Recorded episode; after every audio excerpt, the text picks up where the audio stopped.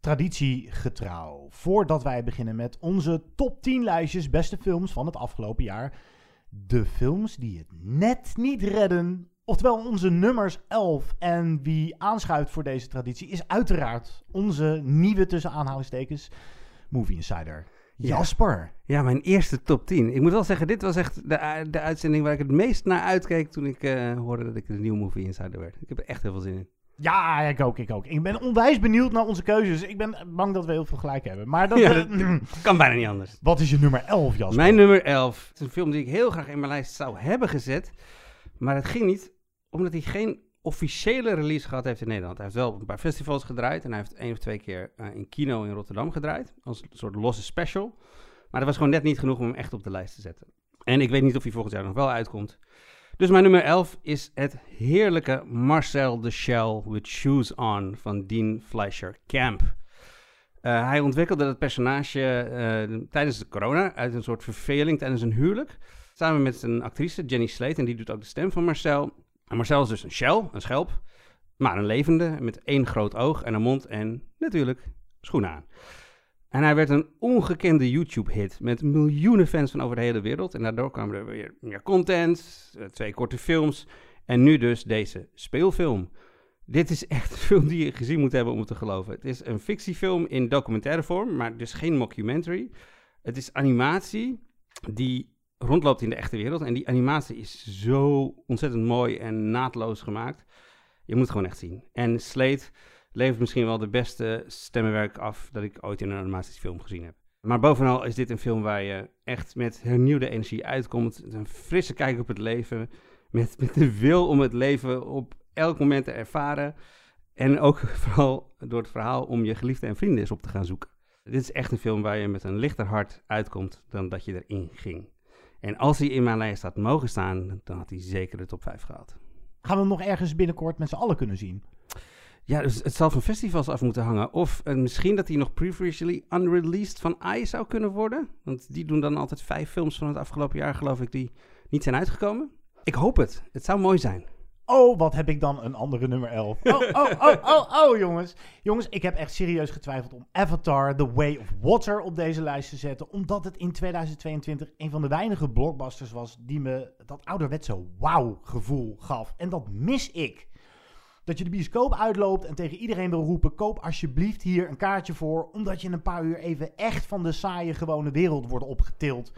Nou, nu voelde ik tijdens de tweede Avatar met tenen net iets te vaak krommen. Dus ga ik voor die andere blockbuster die dat voor elkaar kreeg. De verrassing van 2022, wat mij betreft, Top Gun Maverick. Een film over eeuwig jong willen zijn, net als Tom Cruise. Zalig oldschool in de kalme manier ook waarop het verhaal wordt verteld en hoe er naar een vierdubbele climax wordt toegewerkt. En oldschool qua stunts. Fuck die gewichtloze computertroep. Met Tom Cruise aan de stuurknuppel weet je zeker dat je echt de lucht in gaat en je elke salto in je onderbuik voelt. Kijk, zo maak je nou nostalgie porno. Oh ja, ik doe ook mee. eh, ik ook even. Mijn nummer 11. Net niet dus, maar het is close. Grote kans dat de Belg Lucas Dont met zijn volgende film wel mijn top 10 haalt. Of hij heeft nu dan de pech dat er dit jaar gewoon te veel concurrentie is. Een tedere, emotionele schets over innige vriendschap tussen jongens. Iets wat onterecht te vaak als iets onnatuurlijks wordt gezien of verkeerd wordt begrepen. Ja, ook ik had een doosje Kleenex bij de hand. Hallo aan alle luisteraars. Mijn naam is Lucas Dont en ik ben de scenarist en regisseur van Girl and Close. En jullie luisteren nu naar de podcast Movie Insiders. Veel luisterplezier.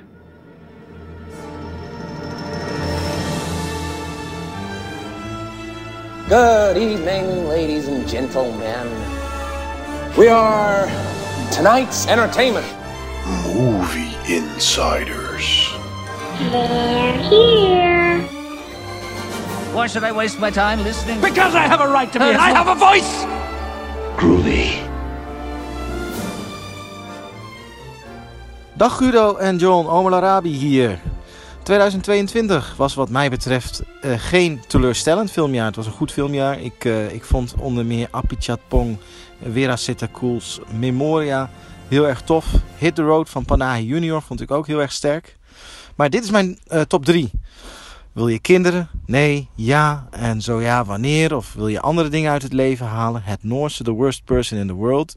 Een film vol dilemma's voelde voor mij en ik denk voor veel millennials zeer herkenbaar. Ja, de film draait om eerste wereldproblemen, maar dat mag ook best af en toe. En mijn hemel, wat is Renate Rijnsver goed. Op nummer 2. Een film die jeugdige onbevangenheid vat. Een film met nauwelijks plot. Gewoon een camera die zweeft over de straten van de Californische San Fernando Valley. Ik heb het over Licorice Pizza. Een ontzettend nostalgische film. Paul Thomas Anderson, die ik trouwens niet altijd even goed vind, is hier in topvorm. Twee uitstekende acteurs geven acte présence. Of eigenlijk non-acteurs. Alaina Haim, maar natuurlijk ook Cooper Hoffman, die me bij Vlagen, en het kan ook niet anders, aan zijn vader deed denken, Philip Seymour Hoffman. Cooper is naturel en ook oogt atypisch. En dan op nummer 1. Een magisch realistisch sprookje aan de rand van het Costa Ricaanse regenwoud. Dat is Clara Sola. Het imposante speelfilmdebuut van de Costa Ricaanse filmmaker Nathalie Alvarez Mesen. Een bitterzoete film die draait om een vrouw, schitterende rol van danseres Wendy Chinchilla Araya, die nooit volwassen mag worden. Clara Sola is denk ik de meest ontroerende film die ik dit jaar zag. Uh, de film draait dus om een vrouw met een lichamelijke en geestelijke beperking die op een boerderij woont en van haar tante niets mag. Dus zoekt ze als een soort asceet haar heil in de natuur en ontwikkelt ze een bijzondere band met een paard. Klinkt heel mysterieus en dat is de film ook. Nou, dit was mijn top 3 en ik wens jullie en de luisteraars fijne feestdagen.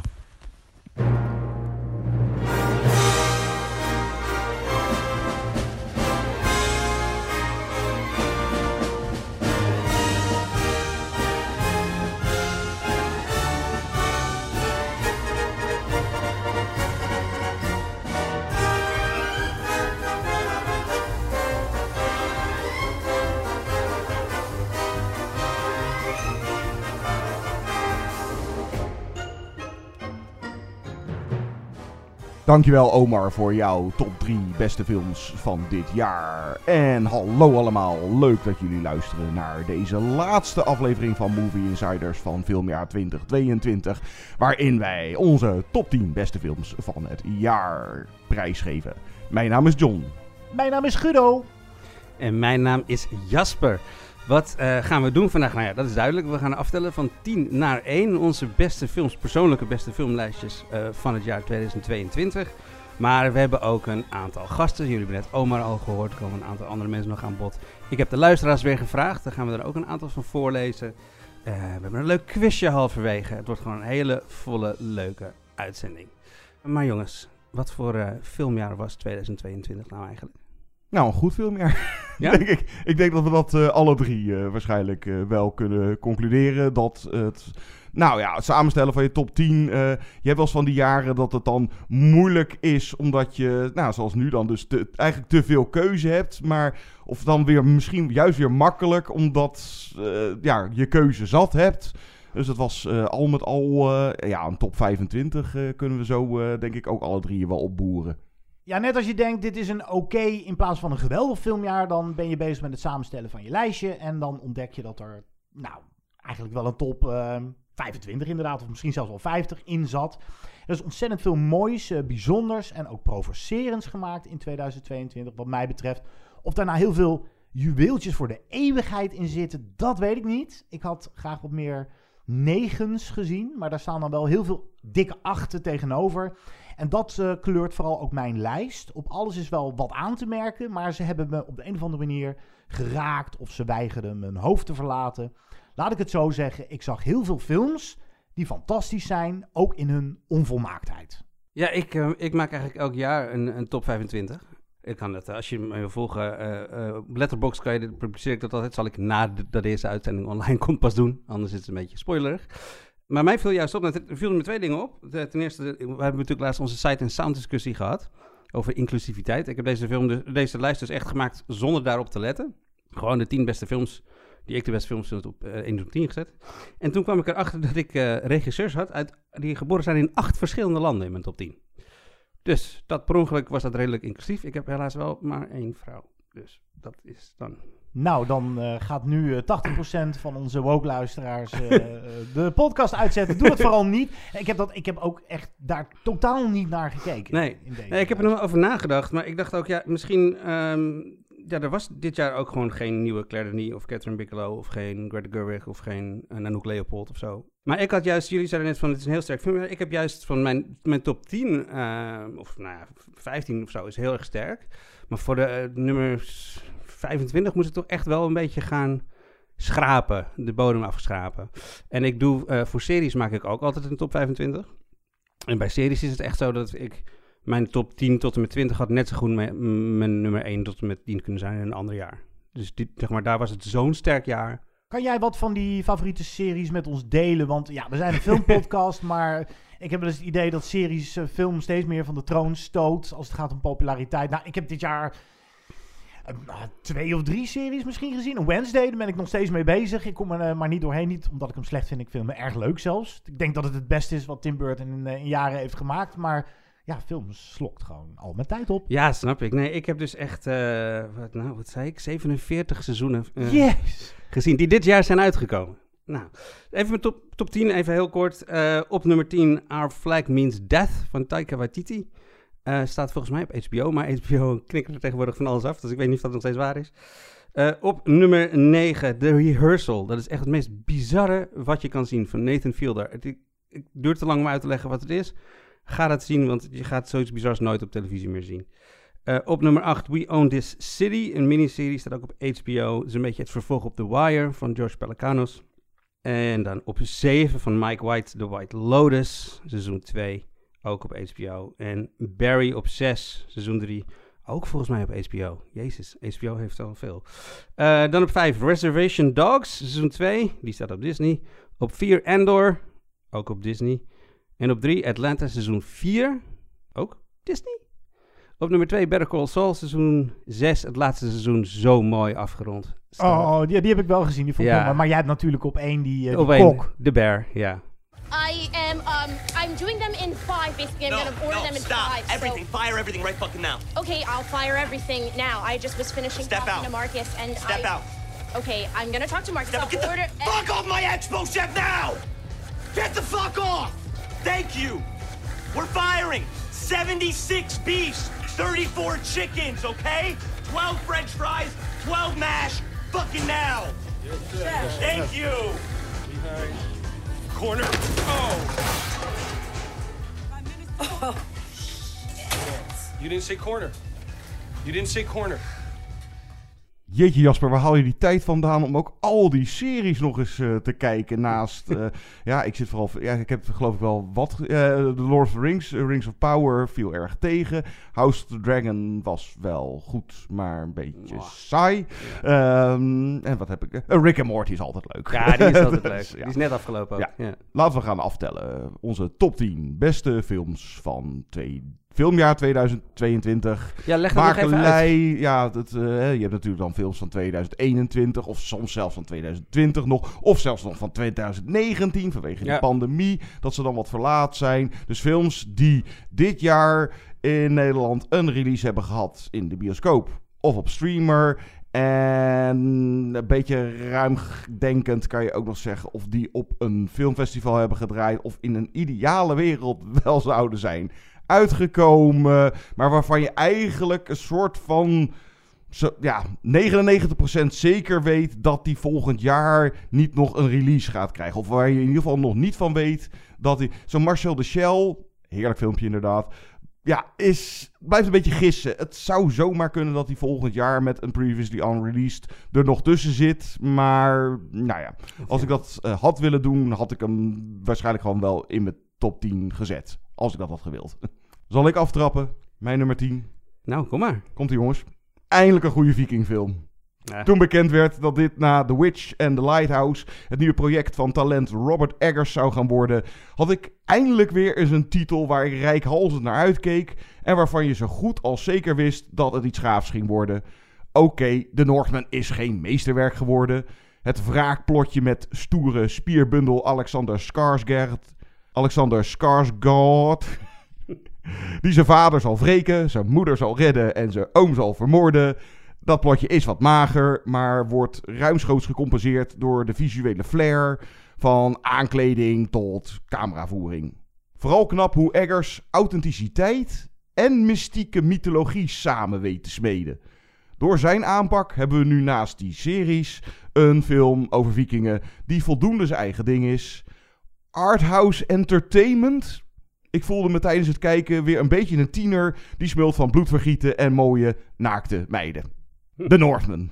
Ja, mooie keus. Ik heb echt de laatste maand ongeveer echt in een soort crunch gezeten om zoveel mogelijk films in te halen. Ik heb echt twee, drie films per dag gekeken ongeveer. En daar zat toen Northman ook. Dus hij heeft mijn top 10 net niet gehaald, maar zeer terechte keus. Ja, zeker. Uh, geweldig film. Moet ik weer eens zien. Jij zei onderweg of Mike tegen mij dat je alle films uit je lijst echt twee keer hebt gezien. Had ik, oh, uh, ik die tijd maar... Niet. Nee. Ja. Kijk, daarom heb ik dus al die series kunnen zien. Dat ik dat niet heb gedaan. Kijk, dat is ook wat waard. nou, mijn nummer 10 dan. Um, ik had het net over hoe mooi onvolmaakte films kunnen zijn. Deze, mijn nummer 10, is daar wat mij betreft een fraai voorbeeld van. Want ja, hij is te lang. De derde acte is minder boeiend dan de eerste twee. En er worden hier en daar wat open deuren ingetrapt. Maar no fucking way dat ik hier geen ruimte maak voor het satirische Triangle of Sadness van de Zweed Ruben. Ik weet nog goed dat ik hem zag op het filmfestival van Cannes. En dat ik na afloop mensen hoorde piepen dat het te makkelijk gehakt maakt van de decadente superrijken. En dat ik meteen dacht, ja maar Östlund doet hier toch veel meer dan alleen dat. En een tweede keer kijken, wat me wel is gelukt bij deze film, omdat ik hem zo graag ook aan mijn vrouw wilde laten zien, bleek ook voor mij, die de eerste keer al volop genoot, een verrijking. Je ontdekt zoveel meer lagen dat het misschien zelfs de opkomst en ondergang van onze complete beschaving tackelt, bijvoorbeeld. Door ook te kijken naar hoe een subjectief begrip als schoonheid steeds belangrijker wordt in onze samenleving. Hoe dat wordt ingezet als betaalmiddel. Letterlijk ook in de slotakte. Maar ook over masculiniteit, het ego versus het groepsbelang. En dat niemand meer verantwoordelijkheid durft te nemen. En wat ook te weinig wordt gezegd over deze film, is dat onder alle humor, waaronder een fenomenale kots-tsunami, zit ook een griezelige soort bitterheid. Eusloend is ook gewoon boos en verdrietig. Over het feit dat we maar niet voor elkaar kunnen krijgen om de welvaart wat eerlijker te verdelen. En vooral dat laatste, dat maakt het wat mij betreft zoveel meer dan een aaneenschakeling van wat aardige vondsten. Dus geprezen overladen met prijzen, waaronder de Gouden Palm. En wat mij betreft dan toch een tikkie onderschat Triangle of Sadness. Ja, ook zo'n eentje die in mijn top 25 staat, maar net niet in de top 10. Uh, luisteraar heeft hier wel op gereageerd, ook Motion Pictures. Uh, die schrijft Triangle of Sadness vanwege de keiharde humor, de scherpe dialogen, de fenomenale acteersregie en het lef om een dergelijk verhaal te brengen, ook al zwakt het iets af. Verder lichtelijk geniaal.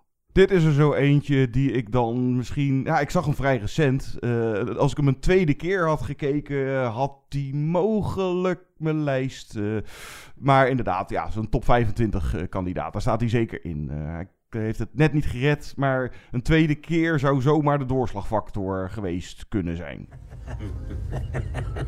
Oké. Okay. Classic. The most powerful single force in the world today is man's eternal desire to be free and independent. Kennedy. Okay. Freedom in capitalist society always remains about the same as it was in ancient Greece. Freedom for slave owners. I know. Vladimir Lenin.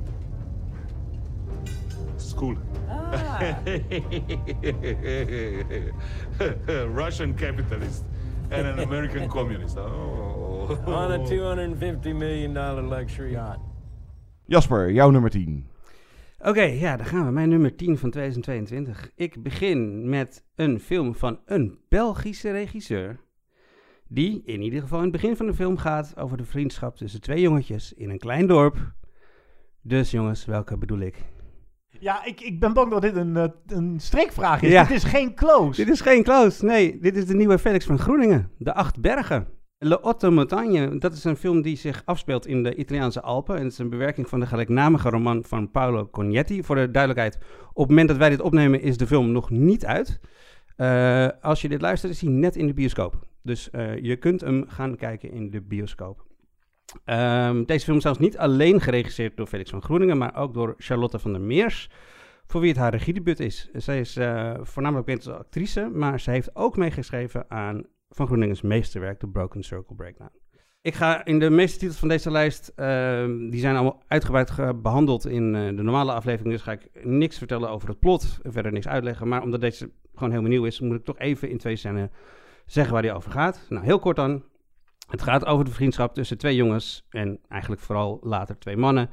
En die mannen verschillen van elkaar. De ene is een verstokte bergbewoner die nooit van zijn berg af wil komen, terwijl de ander uit de stad komt en juist de hele wereld wil zien. Het is echt een bijna epische film. Een prachtige weergave van vriendschap. Een vriendschap die niet per se onderhouden hoeft te worden, ook om te blijven bestaan. Hij is er altijd weer als ze elkaar zien.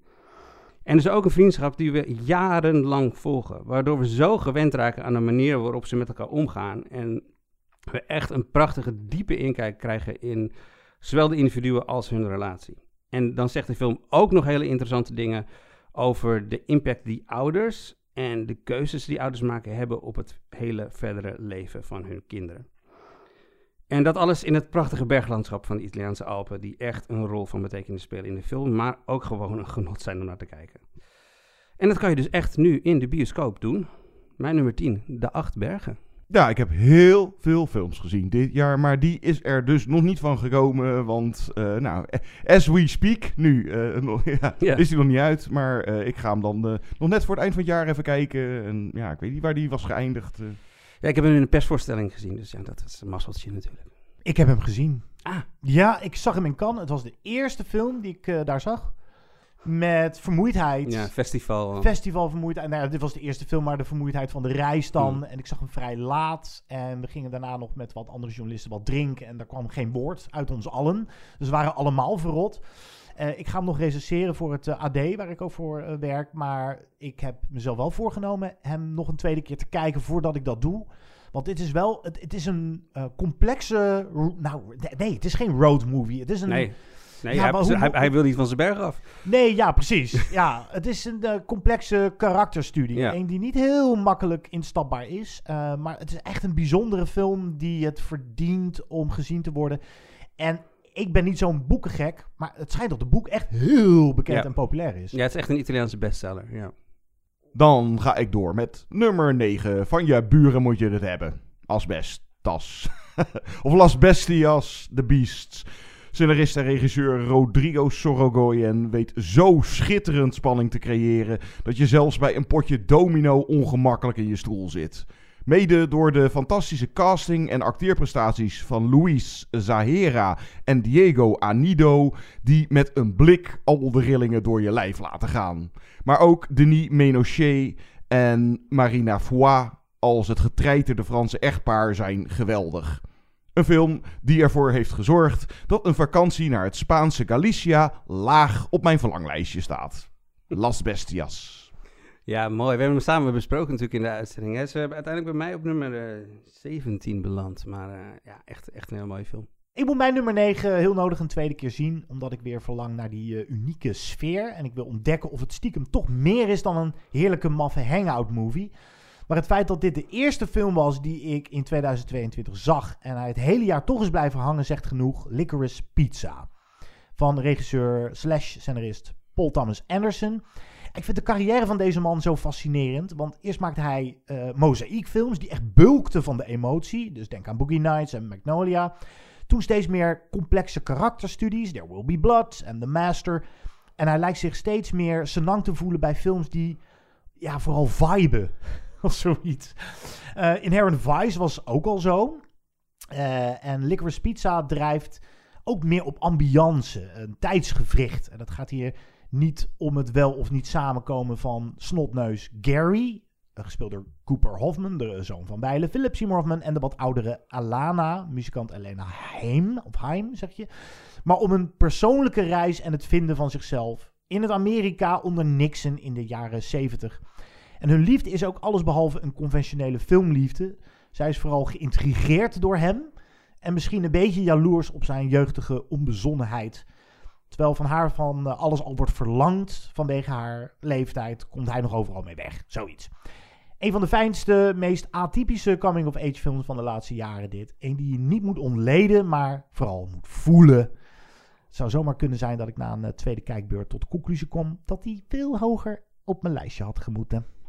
Ja, dat laatste ben ik het een beetje mee eens, dus ik ga er niet op reageren. Eh, al te Spoiler veel. alert, Jasper. Oké, nou, dan maar meteen eh, de eerste grote schok voor sommigen dan.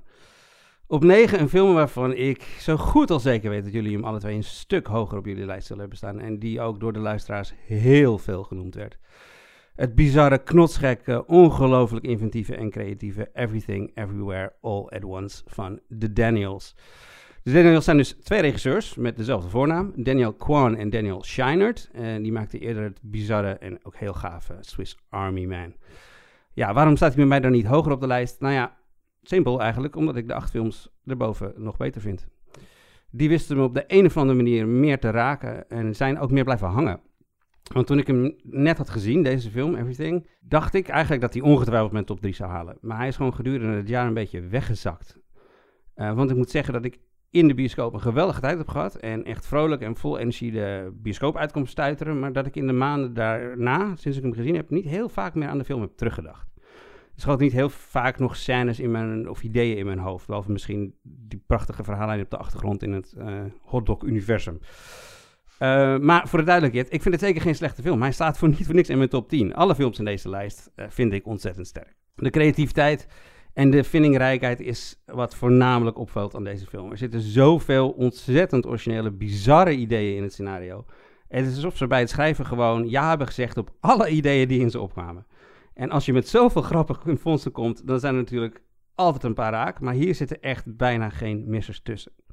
Maar misschien dacht ik voor mezelf, hou ik dan toch meer van films die één idee heel goed uitwerken dan een film die propvol zit met ideeën en vondsten. Dan ook nog om dat bizarre scenario van hun met zoveel energie en plezier op film te zetten, dat is echt heel knap. Ik ben heel benieuwd waar de heren hierna mee gaan komen. Uh, want hier overheen gaan qua gekte, dat wordt echt een flinke uitdaging. Ik heb het even opgezocht. Er is nog geen nieuwe film aangekondigd. Wel zijn ze bezig met de pre-productie van een televisieserie genaamd Mason. Die wordt ook door A24 geproduceerd. Uh, en zal door Showtime worden uitgezonden, maar die gaan ze alleen uh, regisseren. Het scenario is van de hoofdrolspeler en daar gaan ze natuurlijk eerst een pilot van opnemen. Everything, Everywhere, All at Once hebben we besproken, of hebben jullie besproken in aflevering 333. Je kan hem zien op Amazon Prime, Pickle of Pathé thuis. Zolang die maar in je top 10 staat, maakt niet zo heel erg uit waar dan precies, zolang die er maar in staat. Ja, ik moet ook wel zeggen trouwens dat ik, als ik deze een tweede keer gezien, kan hij ook weer gaan stijgen. Ik, heb, ik ga dus inderdaad die letterbox uh, op letterbox met top 10, top 25 publiceren. Het is een bewegende lijst. Het kan best zijn dat tegen de tijd dat die online komt, dat er iets veranderd is in de top 10. Omdat ik een film gezien heb, of opnieuw gezien heb, of nog een nieuwe film gezien heb. Die lijst op letterbox, die blijft in beweging. Dit is een momentopname. Dat is altijd zo. Ja, want deze zag ik uh, wel een tweede keer. En daarom staat hij zeer terecht uh, in mijn top 10. Misschien dat hij bij een derde keer kijken wel weer nog hoger in waardering stijgt. Uh, nummer 8. Een film die net zo onconventioneel en afwijkend is als de titel Licorice Pizza. Meesterfilmer Paul Thomas Anderson neemt ons mee naar het zonnige LA van de jaren 70. En geeft ons een sfeer en misschien net niet helemaal realistische karakters, waar je na afloop gewoon nog heel lang mee wil blijven rondhangen. Een hangout-film, inderdaad. En misschien is deze tragicomedy wel een anti-coming-of-age film. Tiener Gary is veel te volwassen voor zijn leeftijd. En twintiger Alana besluit aan het einde juist niet volwassen te worden. Niet zo maf als PTA's cult classic in wording Inherent Vice. Maar het ongrijpbare van deze is hier de aantrekkingskracht. Het, ja, het, het, het, is en blijft een rare film. Geweldig geschoten, bizarre bijrollen van Bradley Cooper en Sean Penn. Een heerlijke soundtrack. Een soort eigenaardige warme deken voor op je waterbed. Licorice pizza. Ik vind het zo grappig, John, dat jij uh, bij Inherent Vice steeds zegt over cult classic in wording. Ik hoor, ons dat, ik hoor ons dat over twintig jaar nog steeds roepen. Dat is gewoon, dat moeten we erin houden. nou, Gero, jouw nummer 8. Mijn nummer 8. Die kwam harder bij me binnen dan ik vooraf had durven dromen. Guillermo del Toro's Pinocchio. Misschien omdat ik net vader ben geworden, dat kan. Wat een geniale, ontroerende interpretatie van een verhaal dat nu zo vaak verteld is dat je niet meer gelooft dat er nog een meesterwerkje van gemaakt kan worden. De pop plaatsen in Mussolini's Italië. Eh, toen een hele bevolking eh, zich als een marionet diende te gedragen. Dat is al een geweldige vondst. Maar ook de focus verleggen op identiteit in plaats van de wens een echte jongen te worden. Dat werd recent door jullie nog zeer terecht aangehaald in deze podcast, waar ik eh, niet bij aanwezig was. Um, Geppetto een achtergrond geven als een rouwende vader van een gestorven zoon. Waar een tot leven gekomen stuk hout tegenover, of tegenop moet boksen, moet ik zeggen. Pinocchio bewust te laten kiezen voor een sterfelijk leven en ga zo nog maar even door. Guillermo del Toro haalt zoveel interessants uit het originele gegeven dat ik er een beetje door omver werd geblazen. Ik was alleen bang dat hij puur op de duistere tour zou gaan en in dat licht is het ook nog eens verrassend grappig. Ik hield voor het eerst echt van het personage Pinocchio in zijn puurheid en zijn onnozelheid, maar ook in zijn leergierigheid.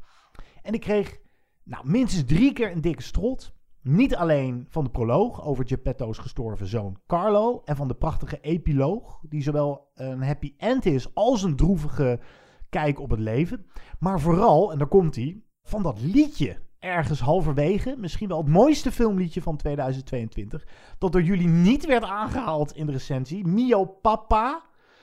Oh, jongens, een dikke traan en een dikke duim omhoog voor de zoveelste, maar misschien wel mooiste Pinocchio.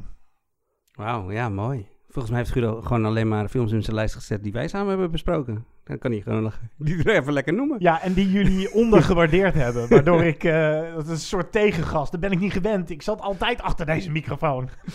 ja, nee, mooie keuze. Heel mooie keuze. Ja, dan mijn nummer 8. Een film die die plek eigenlijk alleen al met de openingsscène verdient.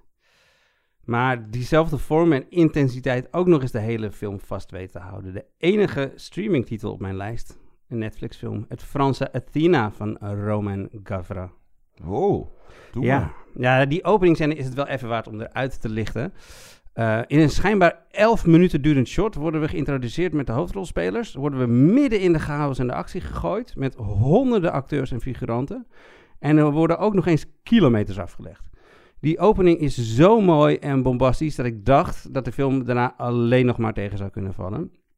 Maar doordat de vorm van die longtakes grotendeels wordt vastgehouden, al wordt het nooit meer zo bombastisch als de eerste scène, blijft die film die urgentie en energie en die woede volhouden. Ik zei trouwens net een schijnbaar 11 minuten durende shot, want in werkelijkheid wordt er wel degelijk ingesneden. Er zitten zes stiekem edits in het opening shots. Dus het zijn eigenlijk zeven shots die naadloos in elkaar overgaan. Zo naadloos dat je het niet merkt. En die edits zitten niet eens waar ik ze had verwacht. Want ik dacht bijvoorbeeld dat het moment dat de camera in en uit een rijdend busje gaat, dat kan niet echt geweest zijn. Maar dat is dus wel echt. Dat is gewoon een cameraman op een motorfiets die de camera doorgeeft aan een cameraman in een auto. En vervolgens, een paar minuten later, geeft die cameraman in de auto weer aan de cameraman op de motor. En die cameramannen moeten verder dus ook fungeren als acteur in de scène, want ze kunnen niet uit elkaar shot blijven. Het is echt, het is echt ongelooflijk hoeveel moeite hierin is gestopt om dit voor elkaar te krijgen. En dat ook nog allemaal met een IMAX-camera. Dus ook niet bepaald de kleinste of lichtste van alle camera's. Behalve dan dat einde van de scène, dan is, wordt er even overgegaan op een lichter formaat, want een drone kon die camera, een IMAX-camera natuurlijk niet tillen. Dit soort films zijn echt een potje spierballen tonen van de regisseur. En je maakt het ook niet zomaar. Voordat ze zijn gaan draaien, hebben cast en crew anderhalve maand gerepeteerd om dit als resultaat te hebben. Ja, en dan over het beleid van Netflix en andere streamers. Welke film wel en niet in de bioscoop worden uitgebracht, kunnen we een hele podcast wijden, denk ik. En misschien moeten we dat maar een keertje doen. Maar van deze film baalde ik denk ik wel het meest dat ik hem niet in de bioscoop heb mogen zien.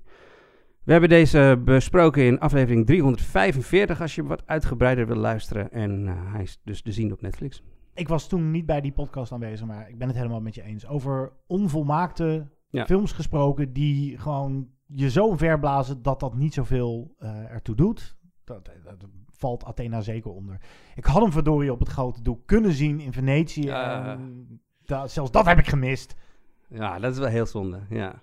Guido, jij zei net bij jou uh, nummer 8 dat uh, jouw blik op de film een beetje veranderd is omdat je vader bent geworden op sommige films. En ik had daar met collega filmjournalist Noah Johannes laatst een gesprek over. Die is, nou, ik neem aan als deze podcast uitkomt, bevallen. Maar ze zei ook van, uh, ja, misschien zijn sommige van mijn films op mijn lijst... heb ik gewoon een ander beeld op gekregen... omdat ik bijna moeder word. En omdat ik weet dat ik een zoon ga krijgen. En zij heeft één dag voor haar uitgerekende datum voor ons dit berichtje ingesproken. Hi, ik ben Noah Johannes. Ik schrijf onder andere voor de film- en serie-rubriek van NPO3.nl. En ik werk mee aan tv-programma's als VPRO Cinema Extra en de Filmweek. Door mijn zwangerschap moest ik helaas wat vroeger uit het filmjaar stappen en zag daardoor niet alle potentiële parels op mijn to-watchlist. Maar uh, ja, damn jongens, wat was het desondanks een lekker filmjaar. Jullie uh, hebben vast al besproken dat zo'n top 10 of top 3 van beste films appels met peren vergelijken is. En dat andere titels het natuurlijk ook verdienen genoemd te worden. Maar uh, nou, vooruit, hierbij drie van mijn favorieten uit 2022. Met allereerst The Worst Person in the World. Ja, de bevoorrechte, irritante millennial, dolende dertiger die op papier tevreden mag zijn en toch geen genoegen kan nemen met het leven zoals het is. Heel knap hoe Joachim Trier van zijn hoofdpersoon Julie een gelaagd en ik geef ook toe herkenbaar mens maakt. Met wie je ondanks haar onsympathieke kanten en dat eeuwige getwijfel toch van de openingsscène tot de aftiteling mee wil gaan. En knap ook hoe hij een zoveelste verhaal over existentiële twijfels en driehoeksverhoudingen in zo'n creatief jasje steekt. En ik ben vast niet de eerste die het zegt, maar de scène waarin Julie de tijd eventjes stilzet. Wauw, echt puur cinematisch goud. Dan Everything Everywhere All at Once. Hij is overweldigend, uh, soms net zo messy als de messy hoofdpersonages zelf. Uh, doet ook echt totaal gestoorde dingen met worstenvingers en buttplugs. En de melodrama waarmee de boodschap wordt gebracht, nou, die, die, die slaat haast het glazuur van je tanden. Maar wat een sensationele, originele en ambitieuze next level multiverse achtbaanrit. Die ondanks zijn absurditeit en die waanzinnige beelden en visuele effecten toch heel dicht bij de emotionele reis van zijn hoofdpersonages blijft. En het familiedrama wat in de film schuilt. En de film heeft ook echt iets wezenlijks te vertellen over thema's als alternatieve levenspaden en, en wat we uiteindelijk zouden moeten koesteren in het dagelijks leven. Geen compleet nieuwe boodschappen misschien, maar wel echt compleet nieuw, knap en beklijvend gebracht. En tot slot, Top Gun Maverick. Ja, vergelijk je een film als deze met uh, veelgenoemde top 10 dramas van dit jaar, dan kan je natuurlijk allerlei kritische dingen zeggen over de mate van diepgang en karakterontwikkeling of uh, levensveranderende impact. Maar Top Gun Maverick is in mijn ogen een vlekkeloze blockbuster. Waarin Last Real Action Hero Tom Cruise en zijn macho collega's echt tot het F-18 naadje gaan en de grenzen van het onmogelijke, onmogelijke opzoeken voor een hoogst entertainende bioscoopbeleving. En zelfs een wat meer nederige, letterlijk kleinere Tom Cruise, die ook wel lijkt te beseffen dat de houdbaarheidsdatum nadert. Maar uh, nog even niet, en dat is maar goed ook, want Top Gun Maverick leeft in al zijn vermakelijke onbeschaamdheid de blockbuster sensatie van het jaar op die zelfs wanneer hij even uit de bocht lijkt te vliegen, toch indrukwekkend in balans blijft. Ja, deze film doet echt uh, vol zelfvertrouwen exact wat het moet doen. En slaagt wat mij betreft echt in zijn missie om uh, ja, bioscooppubliek zonder enige hapering of vertraging te entertainen met een hoofdletter E. Dank voor je mooie berichtje, Noah. En benieuwd ja. wat... Uh maar hoe, hoe, hoe, ja, of de, of de kleine er al is. Ik ben wel, uh, ik vond het ook wel, ik bedoel, we, we vragen een vrouw om een, een voor de top 3 en dan komt ze met misschien wel de meest mannelijke film van dit filmjaar op nummer 1. Ik dat vind is het wel inderdaad, ja. Uh, misschien uh, even een paar jaartjes wachten met de kleine voordat je Top Gun... of bijvoorbeeld dan een Pinocchio van Guillermo del Toro voor hem, haar aanzet. Ja, Guido, jij wou dat liedje. Het heet uh, Ciao Papa, niet Mio Papa. Ciao Papa hadden we even opgezocht. Laten we dat even gaan beluisteren om vervolgens door te gaan met onze top 10. En dan krijgen we straks de nummers 7. Liedje uit Pinocchio. De muziek is in ieder geval van Alexander Despla. Ciao Papa, Mio Papa. Time has come to say farewell. For how long will I go? Is it far? No one knows, no one can tell. If I am gone for a long, long time, I'll pack away a fine piece of shine.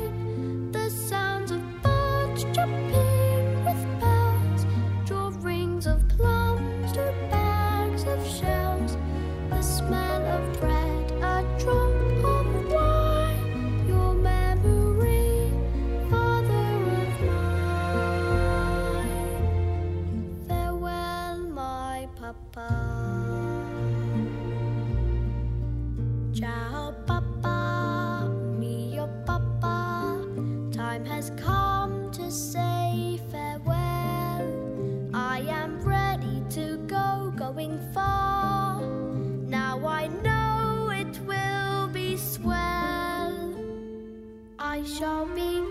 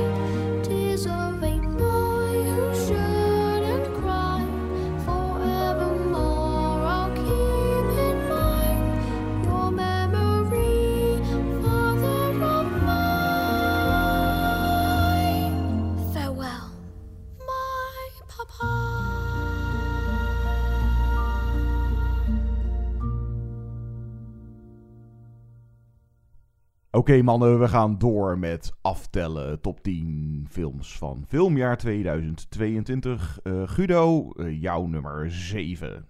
Volgens mij deden we ooit in een grijs verleden een top 5 met onze favoriete soort film. Genres of bepaalde thema's die worden behandeld. Mens versus natuur bijvoorbeeld is iets dat me altijd fascineert.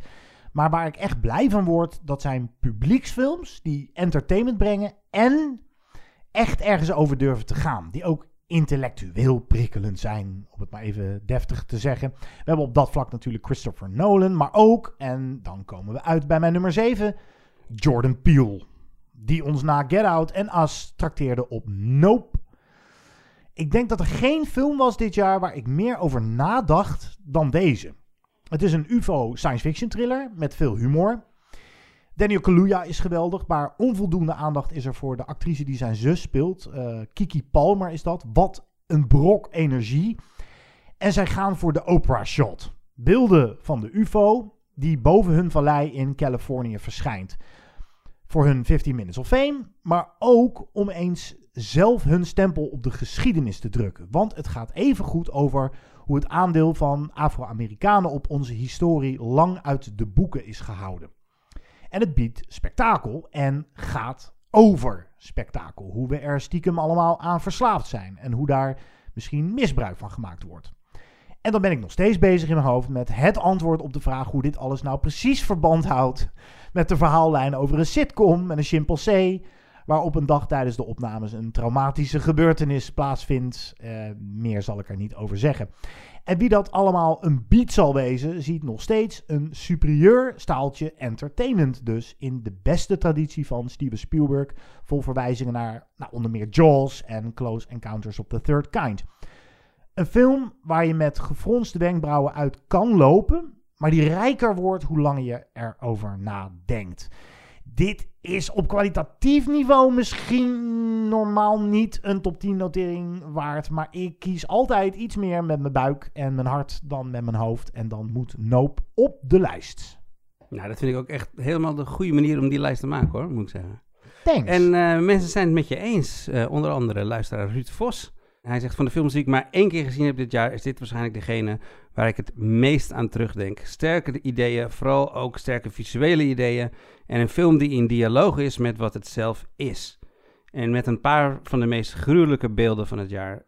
Het schreeuwen in de slokdarmscène is er één van. Zeker. Heerlijke film. Welcome to the Star Lasso Experience. Only at Jupiter's Claim. Mm. Please remember to avoid using your cell phones or any flash photography during the event. Uh.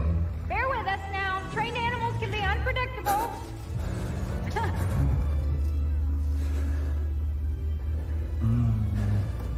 Now sit back, stay in your seats, and enjoy the Star Lasso experience.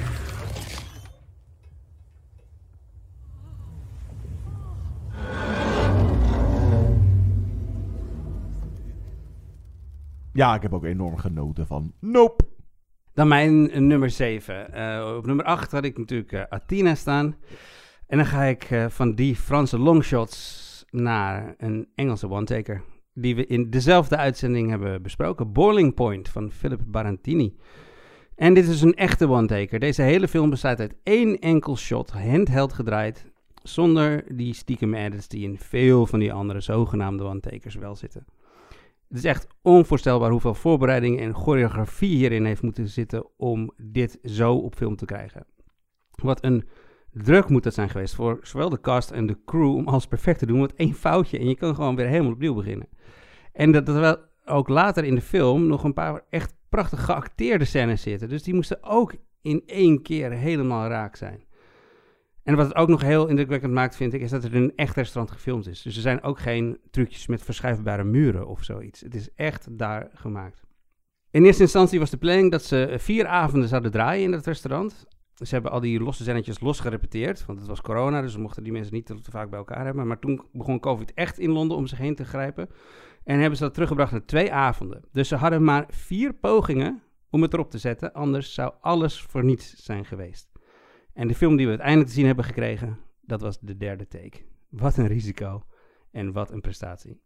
Wat ik vooral heel goed hieraan vind, is uh, dat de one-taker geen gimmick is. Maar dat het echt een onderdeel van de film is. Het verhaal ondersteunt. En uh, bijdraagt aan de belevenis. Gewoon doordat er nooit wordt ges gesneden, ervaar je echt gewoon die bizarre druk in de keuken, op de werkvloer uh, van het restaurant. En dan is er nog dat geweldige acteerwerk van vooral Stephen Graham en Vanette Robinson, maar ook de hele supporting cast. En wat ik zo goed vond was dat je van alle werknemers, zowel in de keuken als in de bediening, een klein beetje informatie krijgt. Net genoeg om al die personages als echte mensen met hun eigen problemen en levens buiten het restaurant te laten voelen. Echt een geweldige ervaring die je het beste in de bioscoop kan ervaren. En dat kan nog even, want hij draait nog in de bios. En hey, het is nog een kerstfilm ook. We hebben deze besproken in aflevering 345, als je er meer over wil horen. En ja, dus in de bios nu. Ja, een film die vooral nou, indrukwekkend is vanwege de one take, maar ook ja, indrukwekkend. Ja, je noemt het uh, terecht, het acteerwerk. Uh, net even een klein beetje informatie ja, over de personages. Ja. En ja, je, echt alsof je anderhalf uur daar meeloopt in dat restaurant. En de, nou, de stress in de keuken. En uh, dit gaat er mis en dat gaat er mis. En tuurlijk moet er af en toe even gesmokkeld worden. Dan gaan we naar een toilet met een werknemer. Want dan kan alle, de rest allemaal weer even op hun plek gaan staan. Oké. Okay, maar er wordt niet gesmokkeld met edits. Dat nee, is toch wel knap. Dat niet. Nou, dan mijn nummer 7. Mogelijk de beste horrorfilm van het jaar. Je zou maar zo'n entiteit in je hebben groeien en er niet makkelijk van af kunnen komen, omdat je in het Frankrijk van de jaren 60 leeft, waar abortus nog verboden is. L'Evenement van Audrey Diwan. De 4 bij 3 aspectratio draagt bij aan het gevoel dat Anne gevangen zit in de situatie. En het is mooi op de huid van talent Anna Maria Bartolomei gefilmd. Een quote die je als slogan voor keuzevrijheid zou kunnen gebruiken. Ik wil best kinderen, maar niet ten koste van een leven. En L'Evenement, ik, ik denk dat dit ook misschien wel een goed voorbeeld is van een film die eigenlijk ook alleen maar door een vrouw gemaakt kon worden. Want sowieso is dit natuurlijk een onderwerp wat eigenlijk gewoon alleen maar vrouwen aan zou moeten gaan. Oké, de man mag er ook nog wel iets over zeggen, maar en het is zo uh, schrijnend en voelbaar dat die meid, uh, ja, ze wil gewoon niet op dat moment uh, daaraan vastzitten. En dan levert het uiteindelijk een gruwelijk shot op. Wat nou ja, vergelijkbaar is met de Gouden Palmwinnaar. Vier maanden, drie weken, twee dagen van de Roemeen Christian Mounjou. Uh, goed één. Niet heel leuk, maar wel een goed 1-2'tje. Leven normaal en vier maanden. Die wil je niet op één avond zien waarschijnlijk. Ik, hij stond op mijn lijstje, mijn inhaallijstje, maar ik ben daar niet aan toegekomen. Ja, ik heb hem wel gezien en ik vond hem schitterend. Hij heeft mijn lijst net niet gehaald. Zeg ik alvast, verklap ik alvast. En nu voel ik me daar gelijk weer rot over. Wat, mm. wat, waar hebben we het over? Het is een top 10 lijstje. Ja. Het kan morgen weer anders zijn. Het kan ook wel, precies. De lijst is in beweging. Als ik deze morgen kijk, staat hij misschien... Als jullie naar mijn letterbox kijken, ineens op, op, op nummer 5 of nummer 6. Op 6 een film die ik uh, begin vorig jaar al zag. En nu dan eindelijk een Nederlandse bioscoop-release kreeg. De Noor Eskil Voogts The Innocence. Kinderen zijn, in tegenstelling tot wat veel films ons willen doen geloven, geen heilige wezens. Dat is eigenlijk in een notendop wat die Innocence doet. We zouden het in deze show uh, niet hebben over de plots van films, maar omdat ik het idee heb dat maar weinig mensen deze film zagen, heel kort. Uh, de focus ligt vooral op Ida, 9 jaar oud, die aan het begin van de zomervakantie verhuist naar een uh, appartementencomplex in een buitenwijk van Oslo. En daar lijkt ze in eerste instantie gegijzeld door de eenzaamheid. De meeste aandacht gaat namelijk uit naar haar autistische zus Anna, die niet kan praten en constant op sleeptouw moet worden genomen. Eindelijk ontstaat er dan toch een voorzichtige glimlach wanneer ze vriendschap sluit met leeftijdsgenootjes Aisha en Ben. Zeker wanneer die laatste, Ben, dus een trucje laat zien waarbij hij voorwerpen verplaatst zonder ze aan te raken. En al snel vinden meer wonderlijke gebeurtenissen plaats, want hij is niet de enige met speciale gaven. De grote boze buitenwereld is even opwindend als gevaarlijk, ontdekt Ida in deze film. Zeker wanneer Ben sadistische trekjes begint te vertonen. De vriendschap neemt uh, een grimmige bocht en het ontwikkelen van een moreel kompas staat hier centraal. De schoonheid en het gevaar van nog onvoldoende grip hebben op de realiteit Ontdekken dat je ouders ook barsten van de imperfecties. Nou, daar gaat, eh, daarover gaat dit slim als horrorfilm verpakte psychologische drama. Die ons kijkers uitdaagt de nostalgiebubbel van onze eigen kindertijd een beetje door te prikken. En uitdaagt om te blijven kijken, want het zit vol momenten waar echt mijn nekharen van overeind gingen staan. Nou ja, over films die je lang geleden hebt gezien en die zijn blijven hangen, gesproken. Die Innocence nogmaals al ruim een anderhalf jaar geleden gezien. En hij blijft maar door mijn kop spoken. Wij hebben hem besproken met Ja, Stee we in, in een uitzending. Ja, Absoluut. en daar zat ook een interview bij met Eskil Vogt. De moeite waard. Hij legt heel goed uit wat hij doet met deze film. Maar dan nog, dit is ook zo'n film dat als je eh, die diepere laag allemaal niet wil zien, dan is het nog een hele spannende, wurgend spannende film zelfs. Ja, ik vond het ook echt een heel erg mooie film. Hij is uiteindelijk eh, bij mij op nummer 15 terechtgekomen. Ah, nou, netjes. Net onder eh, Come On, Come On. En ik heb zomaar het idee dat Eskil Vogt in jouw lijstje nog een keer eh, terug gaat komen straks. Op mijn nummer 6. Een late binnenkomer in de lijst. Eh, voor het weekend stond hij er nog niet in. Maar toen ik deze zag, toen moest de lijst helemaal worden omgegooid. Oh jee, Een film die nog niet uit is. Eh, volgens mij ook niet als deze uitzending online komt. Maar hij komt nog wel in 2020 uit, namelijk op 29 december. Dus volgend jaar mag ik hem niet meer meenemen. Op nummer 6, mijn tweede Britse film, maar van een Zuid-Afrikaanse regisseur en een Japanse scenario-schrijver. Living van Oliver Hermanus met een geweldige Bill Nighy in de hoofdrol. De film is een adaptatie slash remake van de geniale klassieker Ikiru van de meester Akira Kurosawa himself, die zelf weer geïnspireerd was op een stuk van Tolstoy. De dus tevens Japanse scenario-schrijver Kazuo Ishiguro maakt er een echte Britse stiff upper lip film van. Echt een film die op zichzelf kan staan, maar ook met heel veel verwijzingen naar het origineel. Denk bijvoorbeeld aan de schommels uit het origineel, die met dezelfde symboliek subtiel terugkomen in deze film. Aangezien we deze niet al besproken hebben, toch even heel kort een samenvatting van het plot. Mr. Williams, Nighy dus, is een gerespecteerd ambtenaar op een groot kantoor van de overheid. En iemand die ontzettend vasthoudt aan zijn routine en zijn saaie leven. Tot hij van de dokter te horen krijgt dat hij nog maar zes maanden te leven heeft. En op dat moment beseft hij dat hij eigenlijk al jaren dood is. Als een zombie door het leven gaat. En dan verandert hij. Hij gaat eindelijk leven. Op verschillende manieren, maar daar wil ik verder niet te veel over zeggen. Anders dan in het origineel leren we in Living Mr. Williams eigenlijk alleen maar van buiten kennen. We zien hem vooral door de ogen van anderen. Hoe ze over hem praten, hoe ze naar hem kijken.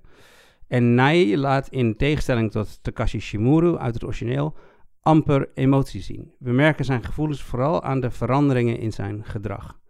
Ik vond het echt een prachtige film. Heel sterk gespeeld, goed geregisseerd en mooi bewerkt met een mooie boodschap. De boodschap dat het leven geleefd moet worden op elk moment dat het er is. Op welke manier moet je zelf invullen, maar laat je leven niet ongemerkt voorbij gaan. Mr. Williams is very busy. I'm sorry. Oh, yeah, of course, I'll let you go. But I, um, I did wonder when your present shift ended. Why would you mind about that? Why? Well, for one thing, because they're showing I was a male war bride at the pictures. And I wondered if you'd care to come along. No, I shan't be encouraging this skiving any longer. We need to get back to the office, all right? What will they be thinking? Yes, but you see, today is my pictures day. Cary Grant, Miss Holmes. I understood you were quite fond of him. Erg benieuwd naar deze die ik dus nog niet heb gezien. Zeker omdat Ikiru eh, ja, een van mijn favoriete films aller tijden. En dan is het altijd lastig als je dan van zo'n classic een remake maakt. Of zo'n film dan nog wat nieuws of wat anders te bieden heeft. En ik ben ook heel erg benieuwd of Bill Nighy een Oscar-nominatie misschien wel gaat scoren. Het zou zomaar kunnen. Het, het is echt een heel ander spel ook. Want eh, in, het, in hij, hij is ook de hele tijd in Ikuro uh, een soort van in elkaar gedoken door de pijn van de, en, van de kanker. En Bill Nighy, je ziet niks fysieks, hij voelt niks. Hij weet alleen dat hij doodgaat. Het, is, het, zit, het zit niet in zijn hoofd, maar ik bedoel, het, het is een mentaal proces. Ga hem dus vooral nu in de bioscoop kijken, zou ik zeggen. Uh, ik ook. Oké, mijn nummer 6. In the Mood for Love, gemaakt door Hitchcock. Heoil Kyeolshim Decision to Leave. De nieuwe van Park Chan-wook, de Zuid-Koreaanse cineast. Wiens laatste twee, deze dus en The Handmaiden, ik een stuk beter en fijner, of nou, verfijnder vind dan zijn eerdere werk met films als uh, Old Boy en de Vengeance trilogie. Een romantisch spel van verleiding en misleiding tussen detective en verdachte. Eigenlijk geen van de twee delen is minder dan de ander, met mooie spiegelingen daarin. Ook filmisch spannend, met aparte shots. Bijvoorbeeld vanuit een lijk of vanuit een urn gezien. Twee geweldige hoofdrollen. Mysterieus, met wat humor, maar ook aangrijpend. Een lekkere sensuele sfeer en boeiend plot. Ja, weer een puikenparel uit Zuid-Korea. Decision to Leave. Ik ben heel blij dat hij een lijst haalt. Of die onze lijstjes haalt, dat is nog even de vraag. Maar, want ik hoor ook wel heel veel gemopper over deze film. Niet iedereen maakte de klik eh, die wij ermee maakten. Wat, is, wat is de kritiek dan? Nou, dat hij, dat hij niet pakkend genoeg is. Uh, of uh, te, te, ongrijpbaar. Um, ik vond hem juist heerlijk. Echt, dit is, dit is waarvoor ik naar de bioscoop ga, denk ik. Een, een film die je ook verrast. Ook in zijn genre aanpak. Dus alles behalve schabloonwerk wat uh, Park Chan-wook doet. Zoals ik al zei, heb ik dus ook de luisteraars weer gevraagd. Uh, wat hun, eigenlijk alleen maar hun nummer 1 heb ik gevraagd. Ik heb ze geen top 3 of top 10 gevraagd. Maar hun nummer 1. En er kwamen heel veel dezelfde titels langs. Maar sommige ook heel afwijkend. En eentje uit mijn allereerste recensie. Weten jullie nog welke dat was, jongens? The Batman. The Batman, ja. ja. Naat schrijft over de Batman. Al weet ik dat jullie het totaal niet met me eens zijn. maar ik heb hem 15 keer in de bioscoop gezien. Hoeveel? 15. Wauw. Ja. Iets aan de film fascineerde mij enorm. Ik weet niet precies wat, maar ik hield echt van de duistere sfeer en de muziek is fenomenaal. Ik werd echt drie uur helemaal in de film getrokken. En ik ben eigenlijk helemaal niet van de comics, DC, etc. Het plot is niet enorm bijzonder, maar de sfeer en de muziek deden het voor me. Leuk. Ja, ik hou er wel van. Uh, beetje afwijkende meningen. Ja, een beetje. Ja, wij zouden weer zo verschrikkelijk voorspelbaar natuurlijk. En uh, misschien komen er nog een paar verrassingen voorbij. Um, laten we een spelletje doen. Zullen we een spelletje doen, een jongens? Spelletje? Een spelletje. Wat leuk. Wat, wat, leg even uit wat een spelletje is. Ja, um, dit deden wij de afgelopen drie keer of zoiets. Ook John en ik toen jij er nog uh, niet, uh, toen jij nog niet bestond. Nou ja, ik, ik, luisterde toen wel. ik, ik vond dat altijd een heel leuk onderdeel uh, om naar te luisteren. Ja. ja. wat we eigenlijk doen is um, elkaar wijzen op wat we eerder hebben gezegd dit jaar in de podcast. Dus wij halen quotejes aan van de ander. En die ander moet raden uh, waar, bij welke film hij dat gezegd heeft. Bij welke recensie. Zal ik dan ook gelijk maar beginnen? John, dit zei jij over welke film? Je gaat niet van ze houden. Je huilt ook niet om ze. Maar je snapt deze mensen en wil ze zo graag even een knuffel geven. Nou, ik zit gelijk aan Drive My Car te denken. Maar ah, dat, is misleidend. Knuffel. Um, jeetje. Wie wilde je knuffelen het afgelopen jaar? Zoveel. Anja Taylor-Joy in The Northman. Daar wil ik mee knuffelen. um, het was Drive My Car. Het was wel Drive ja. My Car? Dus zo werkt Spelletjes zijn toch altijd dat je de, de eerste ingeving gewoon... Gewoon moet roepen, ja. ja. moet roepen. Zal ik, uh, Jasper, zal ik jou er nog eentje geven voordat ik het uh, stokje doorgeef? Is prima, kom maar op. Je kan je vinger er niet goed op leggen waarom het zo goed werkt. De film ziet kunst als rouw om te verwerken. Als rouwverwerking. Ja, dan springt ook meteen Drive My Car in mijn hoofd. Het is Drive My ja, Car. Is, ja. Ik heb alleen maar Drive My Car quote, jongens. misschien uit angst dat hij misschien niet in onze lijstje staat. Zou dat het kunnen zijn? Ik weet het niet. Nu krijg ik rare blikken naar me heb... toegeworpen. Ja, maar deze was wel erg makkelijk voor mij. Ja, kunst als rouwverwerking, dat is duidelijk Drive My Car. Zal ik... Um... Who's next? John, deze, dit heb jij over een film gezegd. Een deel van haar film zien we dan gebeuren en dus de lijnen tussen fictie en realiteit vervagen. En uiteindelijk heeft het, zoals ik het er een beetje uithaal, aan het einde allemaal wat raakvlakken met elkaar. Nou ja, zoiets. Ik kwam er gewoon niet helemaal lekker uit of zo. Ah, jeetje. Prachtige quote van mezelf. ja. Ik had eigenlijk, eh, voordat we dit spelletje gingen doen, nog even snel mijn lijstje door moeten nemen van wat hebben we nou dit jaar allemaal besproken. Er zit wel een hint in het citaat. Hè? Een deel van haar film zien we gebeuren. En de fictie tussen lijn en de realiteit vervagen. Eh, van haar film. Een film in een film. Nee? Nee. nee Ik had, eh, ik had verwacht dat jij zou gokken op de Souvenir Part 2. Oh. Maar het is Bergman Island. Bergman Island. Ja, oké. Ja, oh ja, die was ook dit jaar. Die was dit jaar, ja. Doe jij er nog eentje naar Guido? Ja, ik heb er nog een leuke voor Guido. Guido, dit zei jij over een film. Het is eigenlijk gek dat een film die zoveel twists heeft, dat je geen enkele keer opveert van, wat krijgen we nou? Hé, hey, wat een leuke quote. Wat, wat een goede recensent was dit. Ja, hè? film met heel veel twists. Heb ik die überhaupt gezien? Maar je hebt Ja. het in ieder geval over een film gezegd. Ja, dat mag ik hopen toch. Eh, ehm, jeetje mina. Dat is dus eigenlijk kritiek. Dus ik ben negatief over een film met veel twists. Mm, jeetje, nee. Ik, ik denk niet dat ik dit ga weten. Ik kan het citaat nog even vervolgen. Die ging nog verder. Ik ben wel een beetje klaar met film waarin, nou ja, er staat wel iets op het spel, namelijk een heleboel mensenlevens en er gaan ook een heleboel mensenlevens kapot. Maar de toon van de film is zo luchtig en cartoonesk dat het je eigenlijk geen donder kan schelen. Ik weet het echt niet. Nee? Weet jij het, John?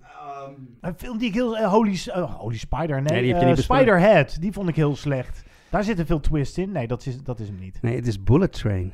Oh, ja. Oh, ja, ja, ja, ja, ja, klopt. Ja, ene oog in, andere oog weer uit. Ja. Beetje zo'n gevalletje. Oké, dan heb ik er ook. eh, even kijken hoor. Eh, Jasper, voor jou. Vervolgens krijg je bijna drie uur lang de ene marteling na de andere te zien. Verkrachtingen, gedwongen fellatio. Ja, die, eh, die weet ik meteen. Dat is Blonde. Ik ga Guido Ja. slaan als hij hem in zijn top 10 heeft staan. oh, ik weet zeker dat hij in Guido's top 10 nog terugkomt. Ja, nee, die, eh, dat, is, ja, dat is Blonde. Jij bent ik sta twee, uit twee. Ja, jij bent wel goed. Oké, even kijken. Eentje voor Guido. Dat is een scène die is zo weggelopen of weggeknipt uit Mission Impossible. Maar dat echt keer 10 of keer 15. Dit is een hele lastige. Zoveel wilde actiefilms heb ik ook niet gezien. Er kwam geen Fast and the Furious uit dit jaar. Eh, ja, Top Gun Maverick? Nee, dit ging over Jurassic World Dominion. Chris Pratt die op een motor met twee Oh. Velociraptors. eh zoiets. En het erg is, dit schoon me als eerste te binnen en had ik dus moeten Ja. roepen. Maar ik dacht, dat kan hem niet zijn, omdat het juist heel positief klinkt. Dat Ja. ik dit een hele gave scène vind. En nou, ik was niet zo heel erg te spreken over deze Jurassic. Ik vind het leuk, jongens. Zullen we gewoon nog een rondje doen? Ah, je moet doen gewoon. nog. Oké, nou Guido, deze is voor jou. Ja, er zit veel in. En misschien wel iets te veel. Maar het is een film die zo in mijn kop blijft hangen. Omdat er heel veel losse eindjes in zitten. Of ook elementen in zitten. Die je niet zo makkelijk aan elkaar knoopt. Ja, dat moet Nope zijn. Ja! Ja! Dat is goed. Yep! Helemaal goed. Yep. Nog eentje voor John? John. Ja. Af en toe, dat serieuzere. En dan dat soort dialogen. Dat zijn precies de momenten dat ik ook zo'n beetje zat van... Nou, kom maar weer op. Zet die achtbaan maar weer aan. Och, vind ik echt zo'n quote van mij. Maar Ja, daarom heb ik hem ook uitgekozen. ja. Denken hoor. Ehm, iets van een Is het een actiefilm? Ehm, ja, zeker. Ja. Nee, ik ben heel slecht vandaag. Het is een Marvel film. Ah, oké. Dan, eh, eh, eh, kijk hoor. eh, Doctor Strange in the Multiverse Ja. of Madness. Ja, oh, het was ja. Doctor Strange. Oké, Ja. hier krijg je er eentje terug van mij. Oké. Voor jou, Ja. Jasper. Ik hoop dat hij moet strijden om nummer 10. Dan wordt het echt een geweldig filmjaar. Ja, dat zei ik over Drive My Car. Ja. Ja, ja. ja, dat weet ik nog heel goed. Nou, nee, Guido, deze ga je wel raden, maar eh, hij was zo mooi, eh, die moet eh, genoemd worden. Uiteraard ben ik een groot Jaws-fan en in Jaws had je dan die boeien. Op een gegeven moment hadden ze die haai geharpoend, zodat hij aan een paar van die boeien vast zat. En dan als die boeien voorbij kwamen, of die kwamen omhoog, dacht je, oh jee, hij heeft ze kapot gebeten. Nou, ik heb het bij Nope heel veel gehad over Joss, dus dat moet hem zijn. ik, nou, Je- je no- je blijkbaar noemde hem mijn, net eh, mijn nog, eh. recensie van het jaar. En Ja. eh, heb ik ook genoemd in mijn lijst, inderdaad. Ja, maar je, toen had je het ook over Jaws in je, toen je net. Nope besprak. Dus, Ja. Ja. Ja, de Skydancers inderdaad. Die opblaasbare mannetjes die Ja. dan worden ingezet in Nope als de UFO eh, voorbij goed. Leuk. eh, nou, eh, voor jou John. Nee, ik begin met jou Jasper. Ja. Door gebrek aan duiding van de makers heb je de verleiding om er allerlei metaforen in te zien. Maar misschien heeft deze film wel geen andere laag om er duiding in te zoeken. En is dat de kracht van de film? Ja, Oh, ik weet Hij is wel. moeilijk, hè, deze? Hij is moeilijk. Ik weet nog wel dat ik het gezegd heb. Eh, even denken. Ik heb het volgens mij tegen jou gezegd. Dat klopt. Oeh, warm, warm, warm. Ja, ehm, nee, ik weet het niet. The Innocence. The Innocence. Ja. Ah, ja. Ja. Ik zei het net nog eh, toen ik The Innocence aanhaalde voor mijn eh, lijst. Ja. Ehm, Ah, damn it. Ik had ja. bijna de perfect score. ja, nee, toch mooi niet. Toch nog één foutje. John, sorry dat ik het zeg, maar de bijpersonages zijn weer eens allemaal gekweekt in het PC Petri schaaltje. Ja, ik hoor mezelf zo nog zeggen. Heel recent, maar bij welke film was het nou? Weet jij het dan, Jasper? Nee, ja, ik dacht, hij heeft zoiets gezegd over Wendell Wild, maar die is wel heel recent. Toen heeft hij ook geklaagd over de PC van de bijpersonages. Nou, niet, eh, niet geklaagd. eh, maar ja, dat ik me een beetje aan stoorde. Ik, ik hoorde mezelf zo nog zeggen, maar bij welke film was het nou? Dat je het niet meer weet, zegt ook denk ik veel over de film. Want ik was ook helemaal vergeten dat die ook nog uitkwam dit jaar. Het is Lightyear. Ah. Ja, Disney doet eh, veel aan inclusiviteit en diversiteit. En dat, be- dat begon je een beetje vervelend te vinden in de- deze moi-film. Vonden we allebei geen hele sterke titel. Jongens, we moeten door. Ja, we gaan door. hey, wat leuk. Weer een voice message van Marieke. Marieke Nieuwdorp. Hi jongens, dit is Marieke Nieuwdorp. Ik schrijf onder meer voor de Filmkrant, het AD en TV Film. Ik vind het echt super lastig om maar eh, drie films te kunnen noemen, maar nou ja, kill your darlings zullen we maar zeggen. Ik wil beginnen met Knor van Marcia Halberstad. Stop-motion speelfilm van eigen bodem. Een animatie die liefdevol en vakkundig gemaakt is, met een hele fijne stemmenkast. Wat ik ook echt heel tof vond, was die Roald Dahl-achtige toon. Die deed me denken aan de jaren 80 VPRO-ochtendtelevisie, waarin de tere kinderzieltjes nooit gespaard werden. En gelukkig maar. Mijn volgende is Boiling Point.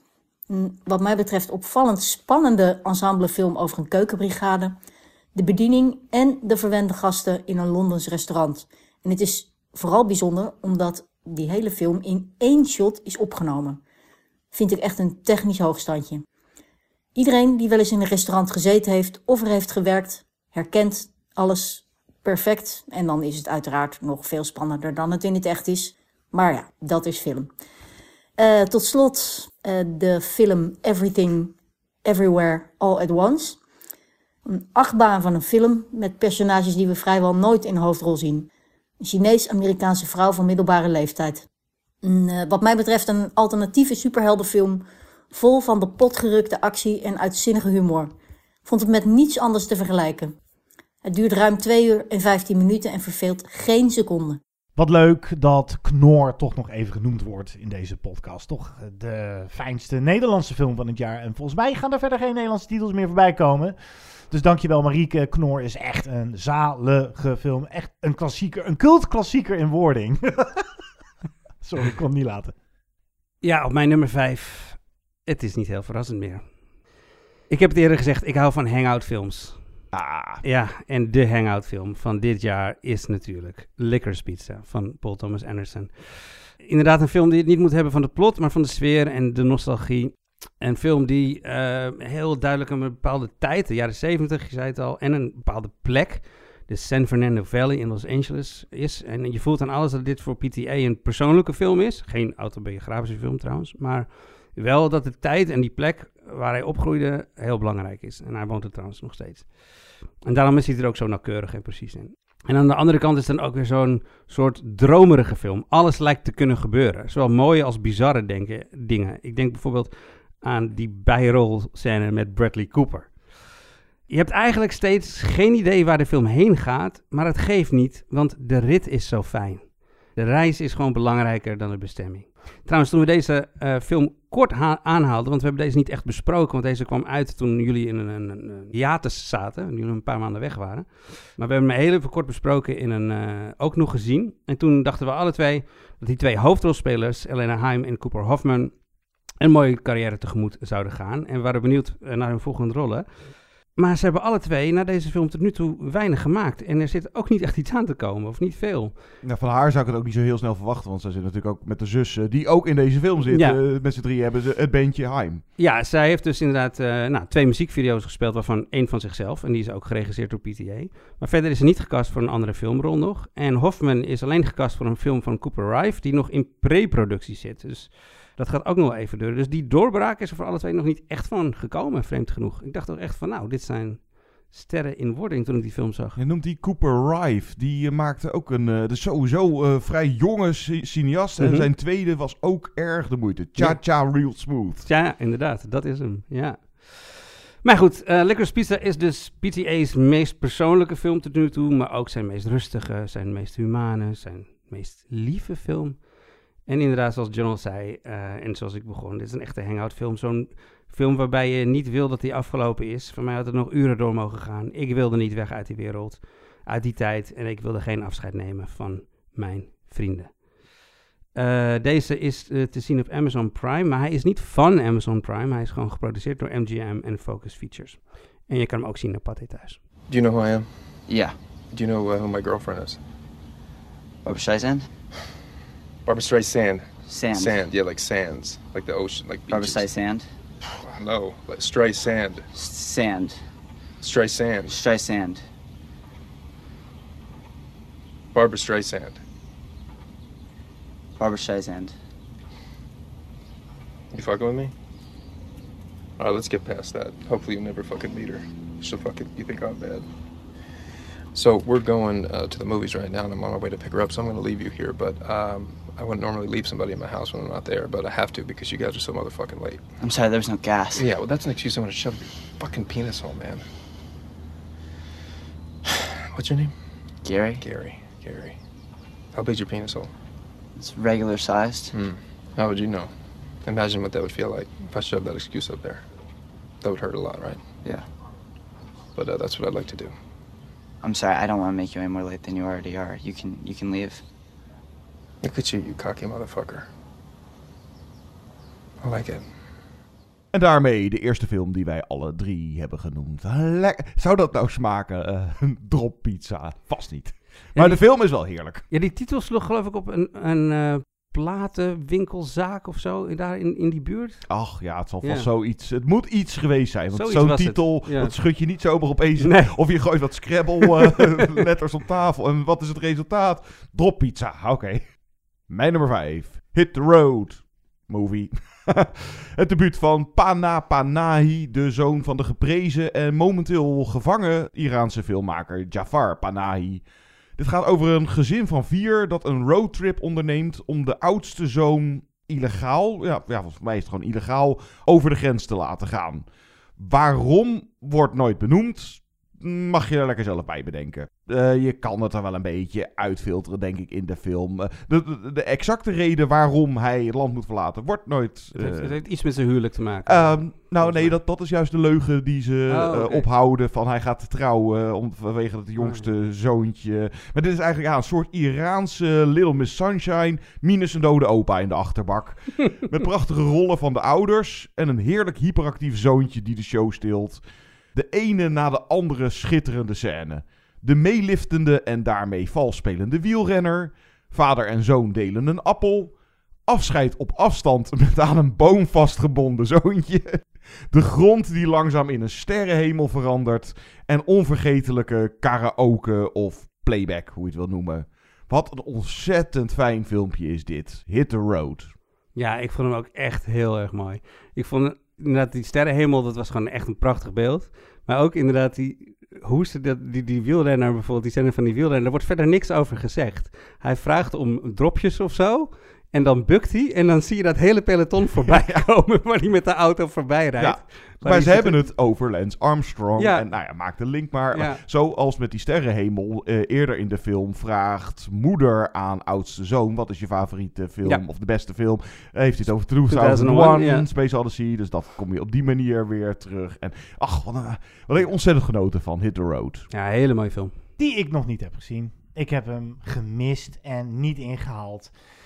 Ja, dit was de titel die ik verwachtte in eigenlijk allebei jullie lijst. Ik weet niet of die bij jou nog voorbij komt, Jasper. Ik denk het niet, anders had je er net niet zoveel over verteld. Maar ah, ja, deze beloof ik echt in te halen.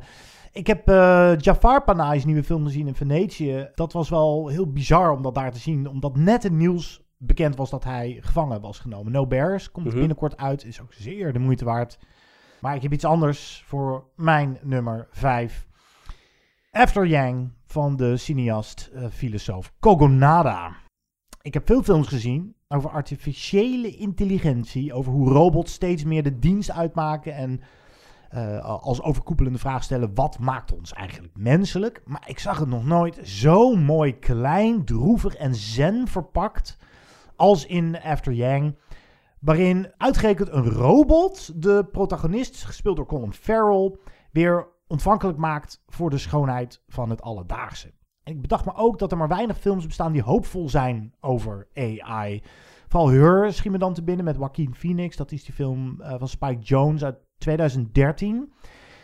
Ja, en hoe werkt het emotionele brein van AI eigenlijk? Of emotionele, ja, hoe werkt het emotionele eh, geproduceerde brein van AI? Daar komt Colin Farrell achter als Yang, de robot die hem helpt in het huishouden en ook helpt met het opvoeden van zijn dochtertje, defect raakt, waarna hij zijn geheugenkaart bestudeert.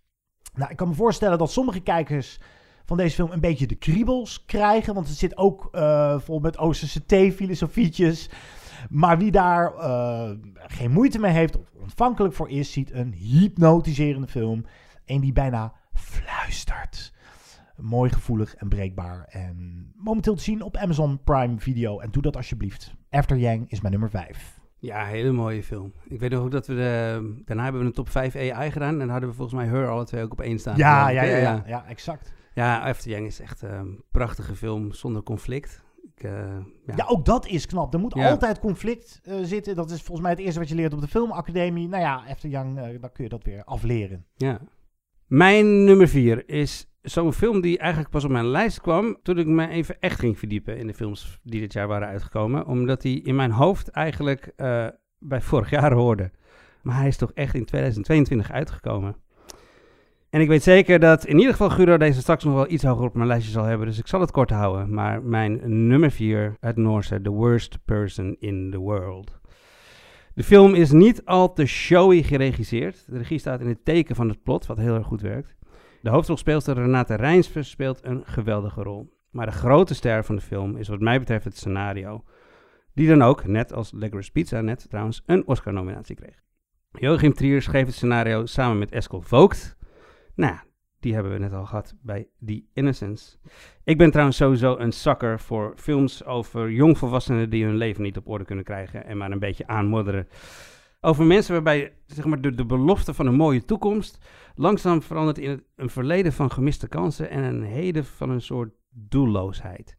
Dus inhoudelijk past hij helemaal perfect in mijn smaak. Maar de uitvoering van dat op zich veel gebruikte uitgangspunt is ook echt heel mooi gedaan. Dit is zo'n open en eerlijke blik op het leven van deze mensen. Julie, het hoofdpersonage, is nogal zelfzuchtig en egocentrisch.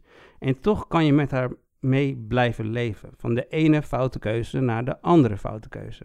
Waarin ze de mensen in haar leven vaak pijn doet en zichzelf ook niet echt helpt. Ik hoop echt dat Renate Rijnsver nu wel eindelijk echt doorbreekt als actrice. Want ik wil zien wat ze allemaal nog meer in huis heeft. The Worst Person in the World op 4 dus. Een geweldig scenario in een prachtige film. Maar ik laat de verdere ophemeling aan Guido over straks. Deze hebben we niet besproken in de podcast, want die staat volgens mij ook in onze hiatus. Uh, maar je kan hem wel kijken. Hij staat op Pickle, Cinetree en Pathé Thuis. Nou, dan doe ik met mijn nummer 4 een opmerkelijk geval. Een film die hier geen release heeft gehad, maar in een ideale wereld was dat wel gebeurd. Ik zie echt van alles van over de hele wereld. En als je dan zo'n klik met een film maakt, dan moet hij toch in deze lijst. Het Canadese Scarborough. Dat is een wijk in Toronto waar vooral laag inkomen gezinnen wonen. En we volgen drie kinderen en dan hun ouders die elkaar treffen op een naschoolse opvang. Alle drie kampen met problemen die ik nu niet zal gaan opsommen.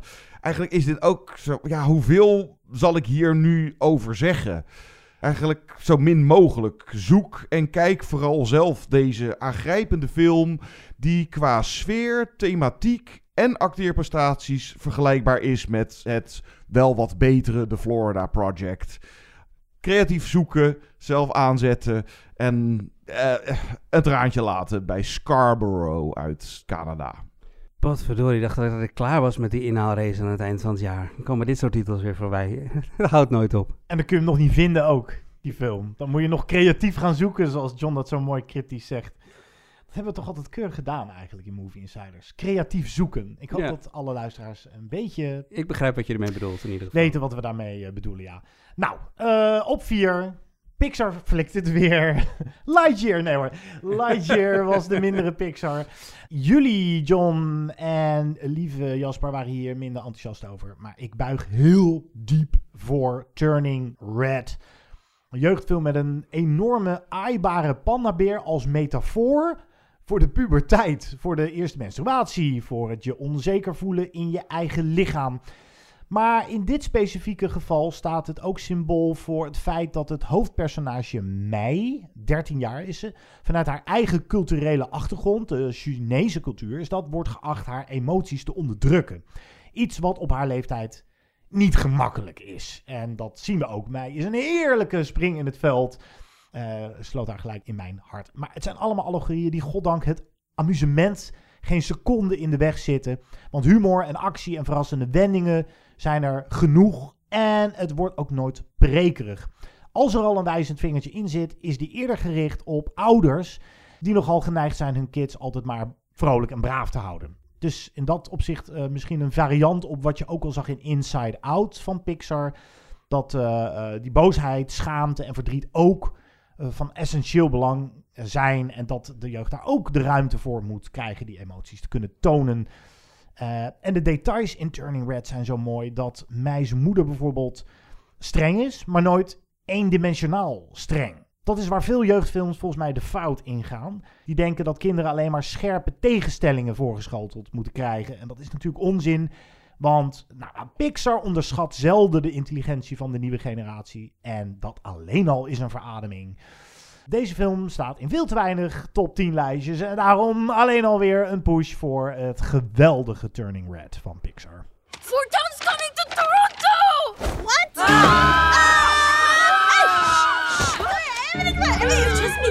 Shut up. It's me. It's me. Calm down. Right? I'm gonna let go, and you're gonna be chill. Got that? Chill. May? Are you a werewolf? No. What? He's a red panda. Sick. You're so fluffy. You're so fluffy. I've always wanted a tail. Priya, Abby, quit it. May, what the heck happened? It's just some, you know, inconvenient, uh, genetic thingy I got from my mom. I mean, it'll go away. Eventually. Maybe. Eh, jongens, ja, goede keus. Ik, eh, ik had hem wel op je lijst verwacht. Ik had hem niet zo hoog op je lijst verwacht. Hoe hoog heb ik hem? Gewoon vier? Vier. Duurtje, dat is wel heel hoog. Ja. dus ik dacht al dat hij niet meer zou komen op een gegeven moment. Jongens, we gaan straks de top 3 doen. En we gaan de top 3 in met nog maar één film die we alle drie genoemd hebben. Dus dat wordt nog spannend. Voor die tijd zullen we nog een afwijkende mening laten horen of twee. Altijd welkom. De afwijkende mening van eh, luisteraar Richard Oldhoff.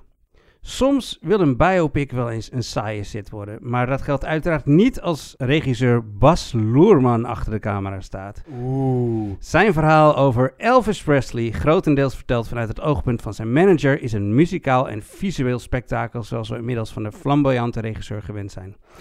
Dat is soms best vermoeiend. Loerman bedient de film van bijzonder weinig rustmomenten, maar maakt de film daarmee wel een zeer unieke kijkervaring. Elvis kleurt duidelijk buiten de lijntjes en dat levert een zeer fraaie ervaring op met een weergeloze Austin Butler in de hoofdrol die moeiteloos in de huid van de king lijkt te kruipen. Ja, hier hebben wij een pittige discussie over gevoerd. Jas. Ja, we zijn allebei zeker. zeker geen fans. Nee.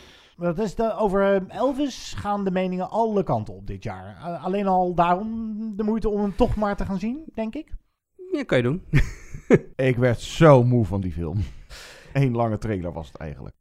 Voor de mensen die dat leuk vinden, je kan ook altijd een reactie geven op onze site movieinsiders.nl. En onze jonge fan, Misa Jaël Oostdijk, laat geregeld van zich horen. Maar zij ook. Hallo mannen, mijn persoonlijke top 3 van dit jaar. Met op 3 Everything Everywhere All at Once. Beste multiverse film van het jaar zonder twijfel. Hilarisch grappig, maar ook emotioneel.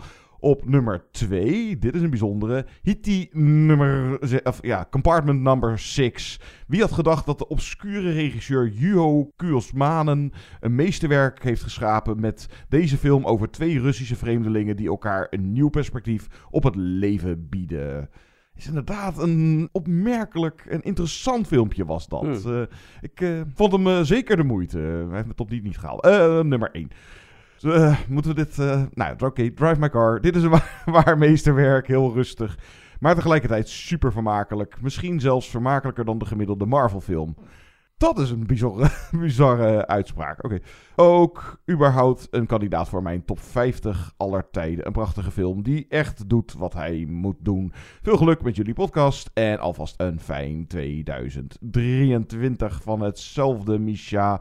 En een mooie top 3. Inderdaad, eh, Drive My Car werd heel veel de genoemd. En Everything Everywhere All at Once werd heel veel genoemd. We hebben natuurlijk inderdaad dus ook collega's gevraagd. En ik heb ook een scenario schrijver gevraagd. Die had eigenlijk op nummer 1 ook Everything staan. Maar toen heb ik hem gevraagd om dan maar zijn nummer 2 te bespreken.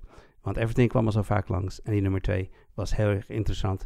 Eh, dit is scenario-schrijver Lavant. Zijn korte film eh, doet de festivalrondes op dit moment. En een aantal van zijn langere scenario's worden rondgeshopt. Hier is Lavant. Hallo, ik ben Lawant en mij werd gevraagd of ik even iets zou willen zeggen over mijn favoriete van het jaar voor Movie Insiders. Nu was dat Everything Ever All at Once en gaat die al in de aflevering zelf besproken worden, dus ga ik het hebben over mijn nummer 2, Prey.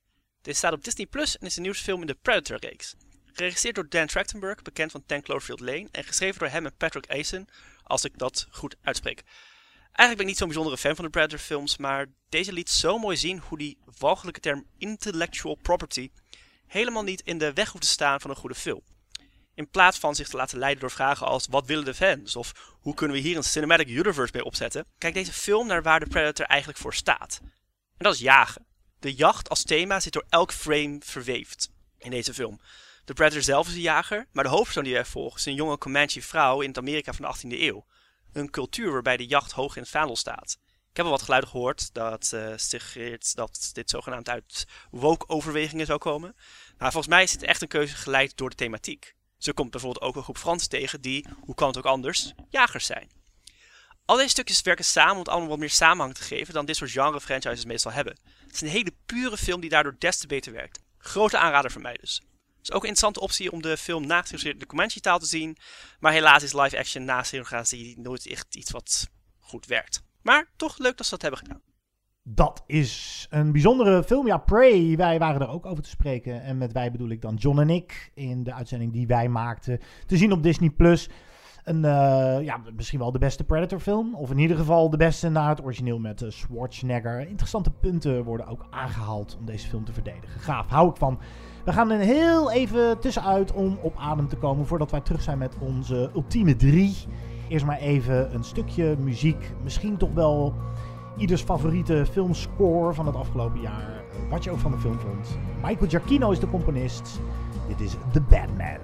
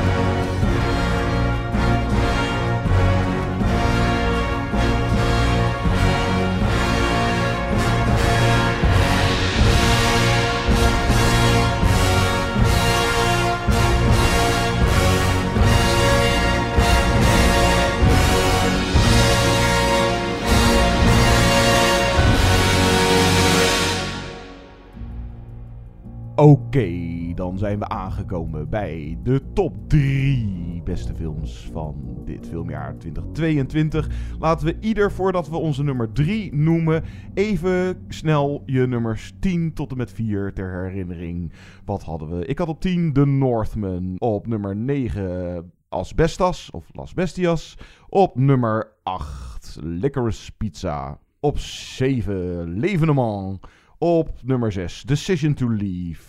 Op 5 Hit the Road. Op 4 Scarborough. En dan nu nummer 3. Ja, vanaf nu komen we bij de titels die al zijn geweest of zo nog gaan komen. Het Noorse Ninja Baby en The Innocents haalden het net niet. Deze wel. Verdens verste menneske. Ofwel The Worst Person in the World van Joachim Trier. Met dus een geweldige rol van Renate Rijnsve als de dolende dertiger die het nog niet weet. Eerlijk en oprecht. Grappig en ontroerend. Fantastisch script en regie. Een memorabele mannequin challenge en paddotrip. Enzovoort. Ik wil ook zo met haar een sigaret roken. The worst person in the world. Op drie. Dan is mijn beurt. Ik had op nummer 10 Triangle of Sadness. Op 9 had ik Licorice Pizza. Op 8 Guillermo del Toro's Pinocchio. Op 7 Nope. Op 6 The Innocence. Op 5 After Yang.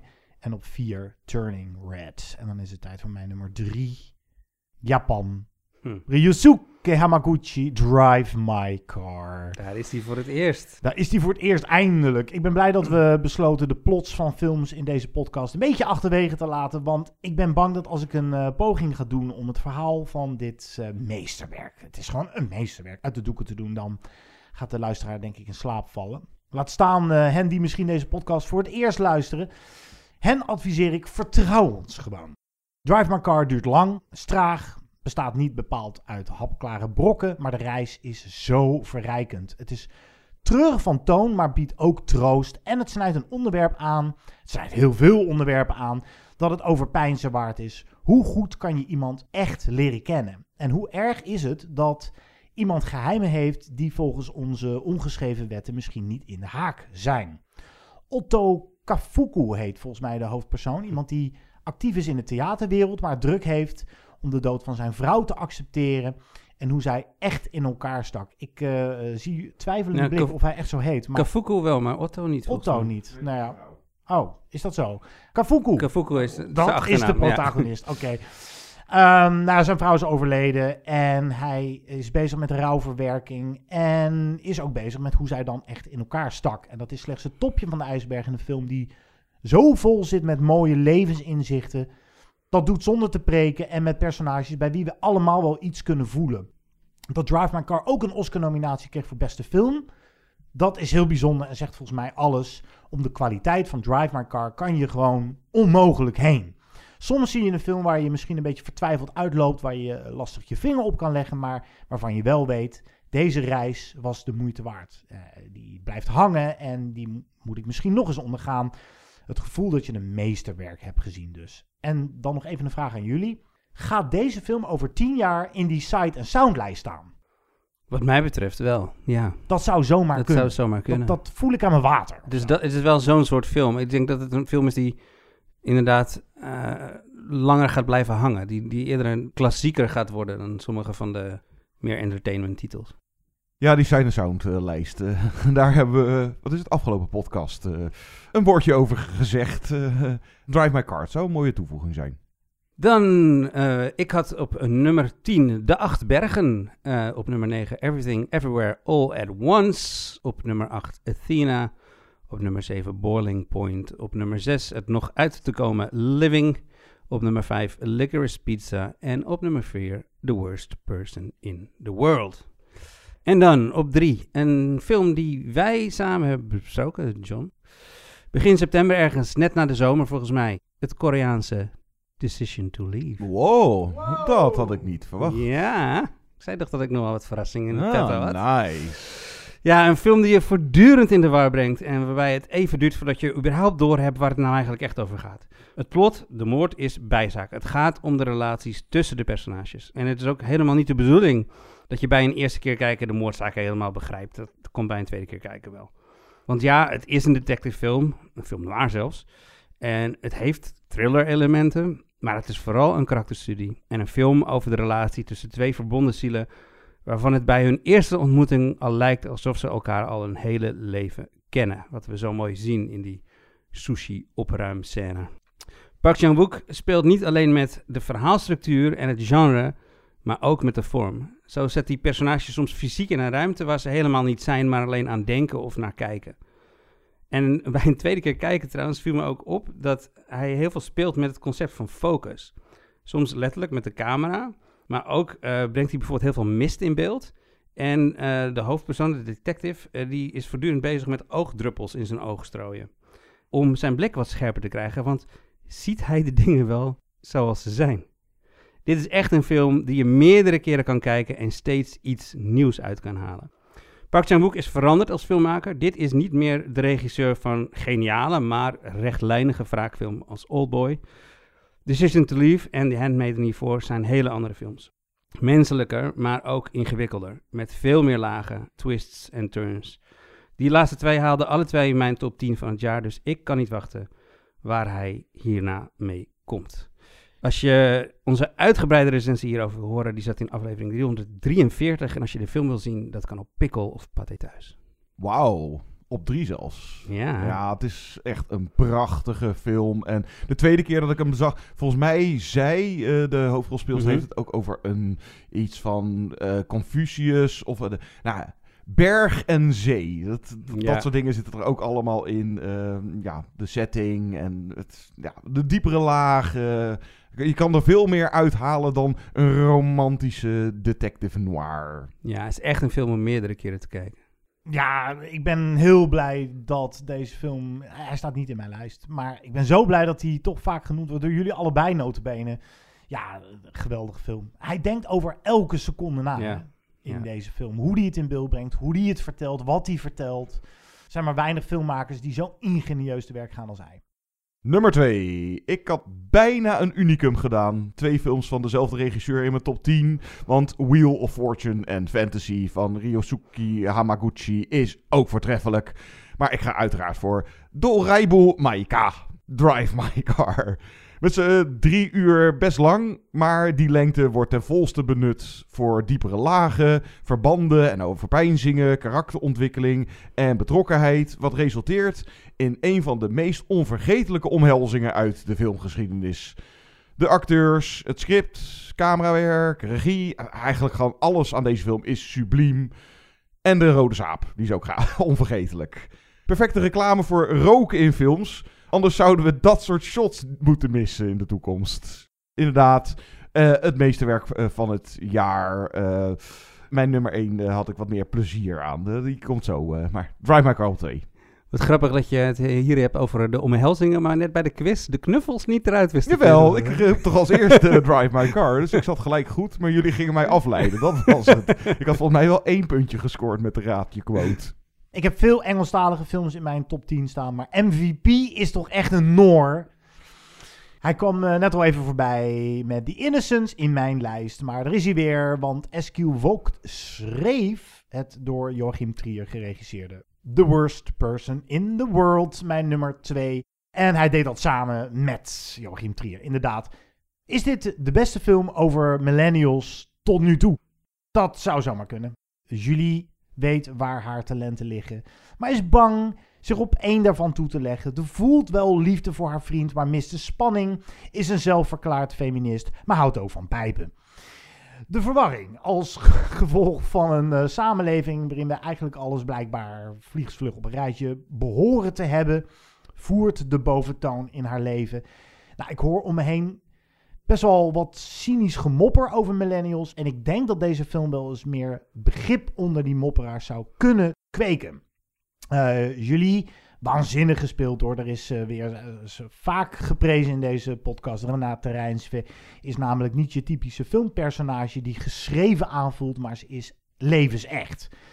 Ik twijfel nog steeds of het weerzien van haar zieke ex-vriend in de laatste acte niet too much is. Maar ook dat deel is weer zo ontroerend en knap geschreven en geacteerd dat ik ook liever niet zonder had gewild. The worst person in the world. Ja, mijn nummer twee. Ja, mooi.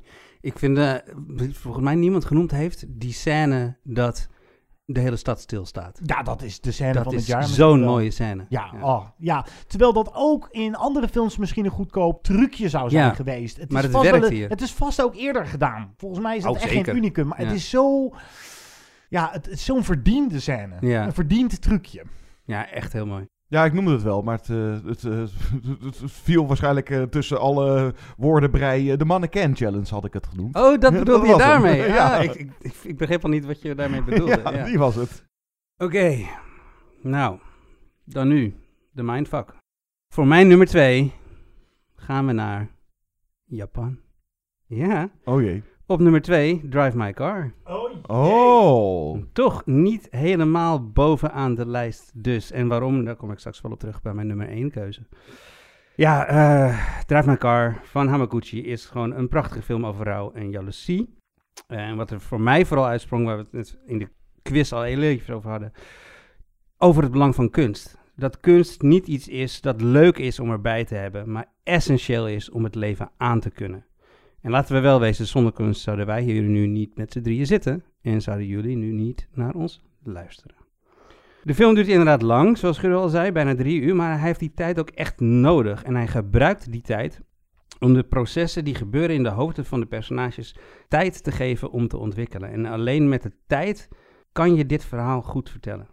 Hoofdrolspeler Hirotoshi Nishima levert echt een geweldige acteerprestatie, juist door niet zoveel van zijn personage prijs te geven. Niet te veel te laten zien. Pas langzaam opent hij zich en leren we hem beter kennen en begrijpen. eh, wat uitmunt in een overweldigende scène op het podium. Een soort catharsis. En ondanks dat het inderdaad een redelijke trage film is, verveel je geen moment. Je bent zo betrokken bij de verhalen van deze personages. Niet alleen de hoofdrol, maar ook bijvoorbeeld zijn chauffeuse, die een steeds grotere rol krijgt later in de film. Er zitten zoveel mooie beelden en overgang in deze film, zoveel prachtige symboliek.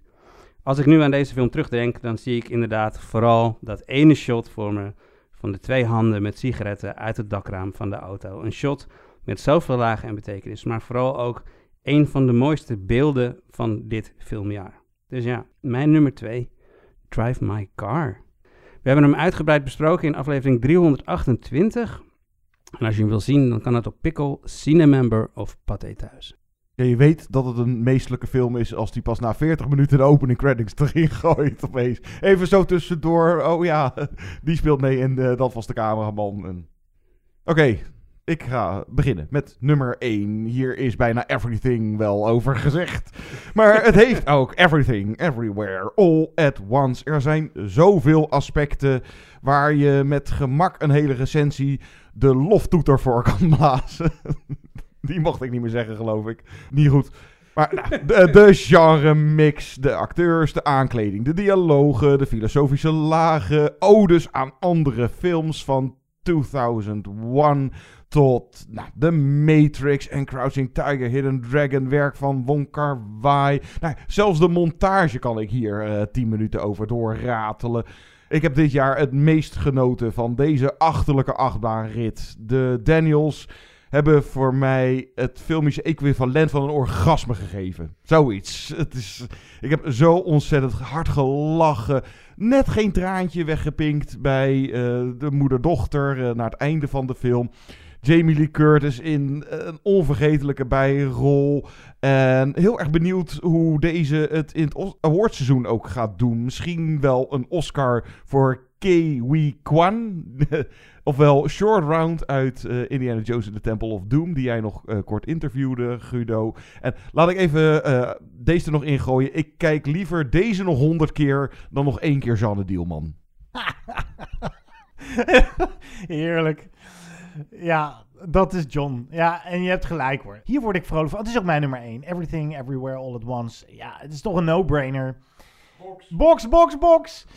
Misschien is dat wel de meestertruc van deze film. Dat je na al die gekkigheid toch ook nog ontroerd wordt. Dat is eigenlijk iets dat, dat kan niet.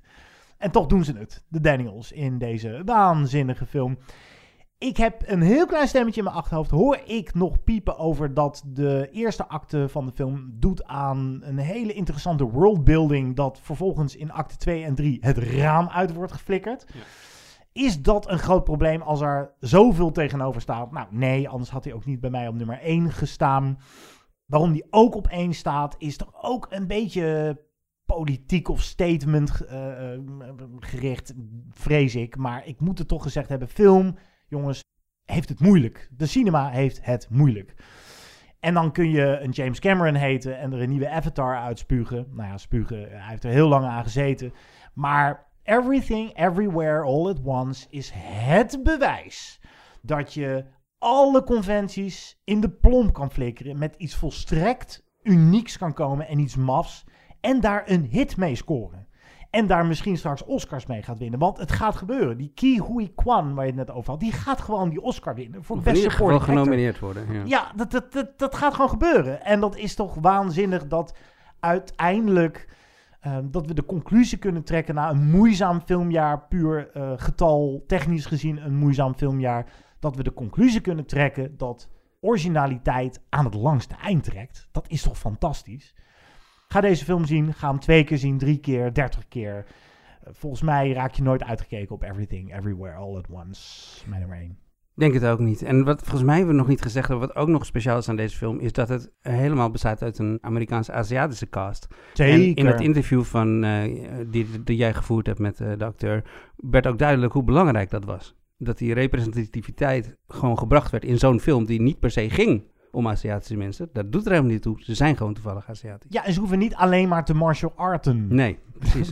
dat is echt niet het enige, want dat, dat zou, je- daar zou je ook nog kritiek op kunnen leveren. Maar het is een ontroerend familieportret Ja. ook nog eens, eh, naast alle gekte. Maar ze hebben dan wel een wasserette. Dat is dan... maar ja, oké, dat hoort er weer bij. You know what we must do. No, please. She's unlike anything we've seen. She can finally stop Jobu Tapaki. You mean the monster that is inside my daughter? Well, why didn't you tell me about it earlier? What else are you alpha people not telling me? Did you see her dance that man to death? There is no way I am the Evelyn you are looking for. No, I see it so clearly. See what? I'm no good at anything. Exactly. I've seen thousands of Evelyns, but never an Evelyn like you. You have so many goals you never finished, dreams you never followed. You're living your worst you. I can't be the worst. What about the hot dog one? No. Can't you see? Every failure here branched off into a success for another Evelyn and another life. Most people only have a few significant alternate life paths so close to them. But you, here, you're capable of anything because you're so bad at everything. Dan rest ons nog één filmtitel. Jasper, je hebt Drive My Car niet op één gezet. Ik wil je helpen herinneren aan die uitspraak van helemaal begin dit jaar. De, de kans was zo'n beetje nul dat hij niet op één zou belanden. Dus dan moet Klopt. jij ineens bij een tweede keer kijken of je, je werd ineens schreeuwend wakker s'nachts en toen zag je het licht. Ja, het gekke is dus inderdaad dat... eh, ik zei toen, er moet iets- inderdaad iets geks gebeuren als deze niet op één zou staan. En het gekke is, achteraf gezien, dat dat inderdaad al gebeurd was. Want deze film, After Yang, had ik toen al gezien. En die vond ik al meteen geweldig. En maar Drive My Car vond ik toen nog mooier. Maar toen de tijd voorbij ging en het jaar vorderde, merkte ik dat ik veel meer aan After Yang terugdacht dan aan Drive My Car. Vaak kwamen en komen scènes of thema's en, filosofische vragen uit deze film nog in mijn hoofd. Alsof, alsof het gewoon de tijd nodig had om tot zijn recht te komen. Als eh thee moet trekken, zeg maar, uit de film. Ja, mijn nummer 1 dus After Yang van Coconada. Een film over rouw, ook net zoals Drive My Car, maar op een hele andere manier. Een dromerige, maar heel efficiënte en nooit saaie film. Elke scène is belangrijk. Alles heeft een betekenis of symboliek. En wat ik nou, net al zei, wat ik heel knap vind, eh, is dat Coconada hier, en dat deed hij ook in zijn vorige film al, laat zien dat conflict niet nodig is. Dit is een film zonder conflict, wat toch in de meeste films gewoon de drijvende factor is. De film is trouwens een bewerking van de novelle Saying Goodbye to Yang van Alexander Weinstein. En dit is een van die zeldzame films die het bronmateriaal neemt en erop voortbouwt, het groter maakt, het dieper maakt en het gewoon beter maakt. Dit is een film over wat het betekent om te leven.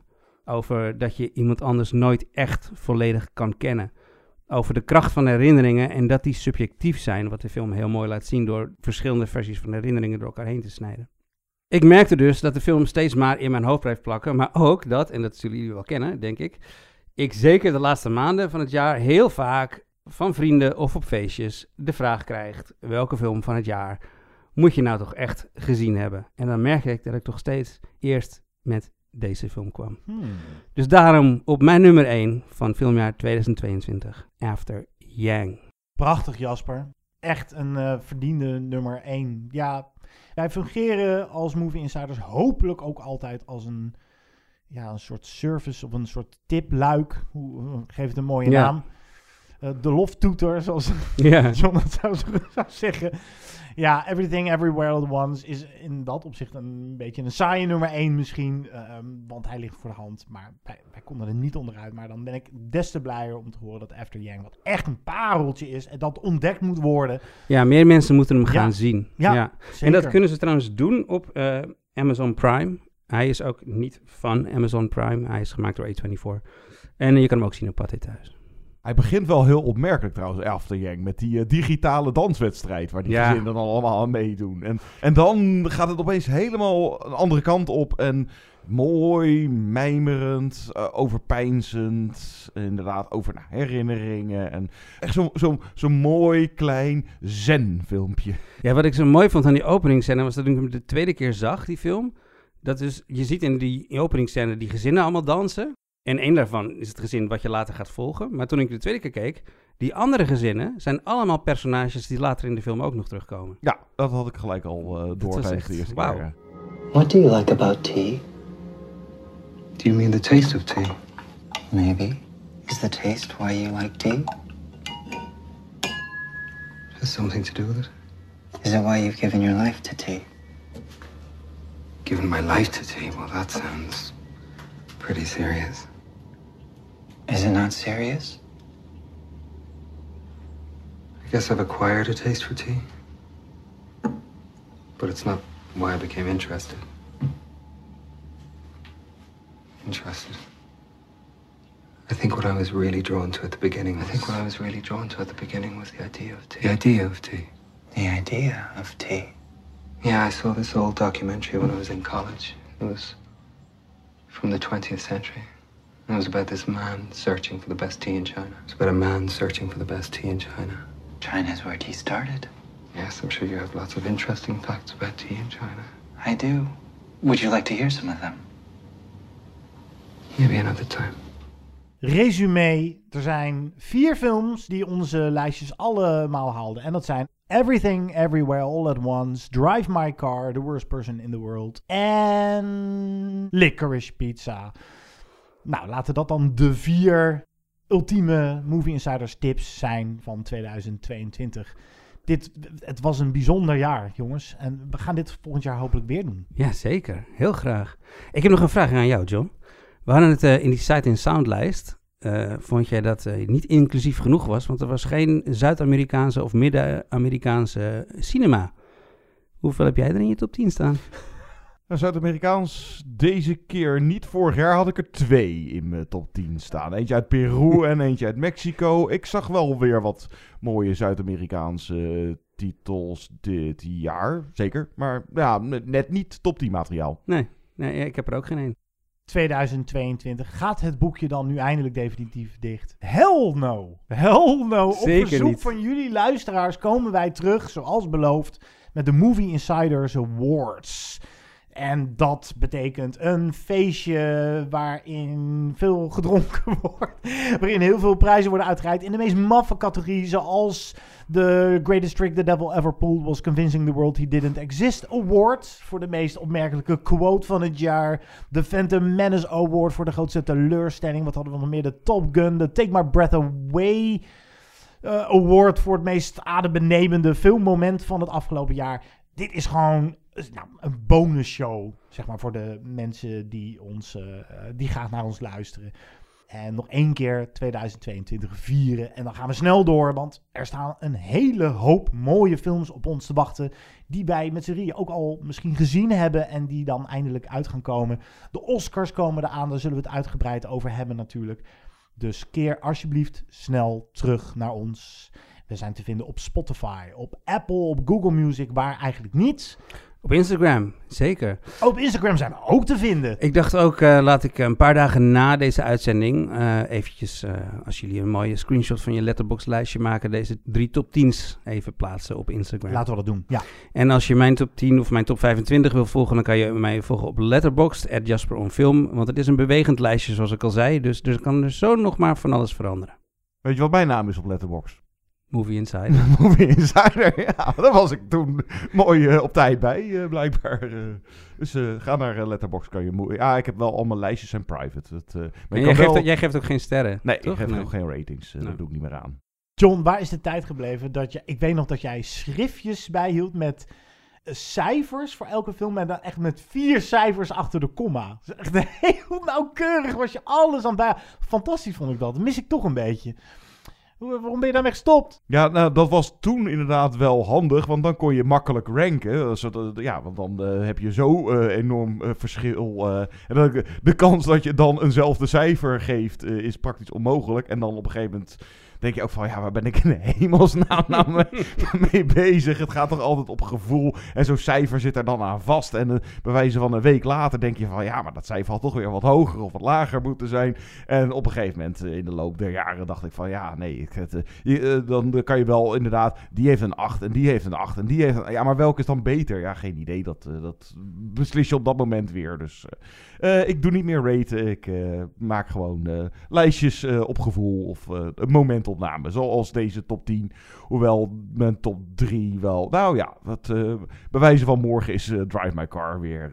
Maar everything. Stel dat je die nog everywhere. een keer ziet. Oh. Er is trouwens nog één vraag over wat we volgend jaar gaan doen. Eén vraag die heel vaak gesteld wordt aan mij op Instagram. Komt er nou nog eens zo'n soundtrack aflevering? Hebben wij daar nieuws over? Ik heb daar half nieuws over. Ik heb onze grote vriend Koen, Koen Haver, gevraagd wil jij met ons jouw favoriete soundtracks van het jaar delen? En dat wil hij heel graag. Um, dus er is wel iets in aantocht. We moeten weer wat meer doen met filmmuziek, absoluut.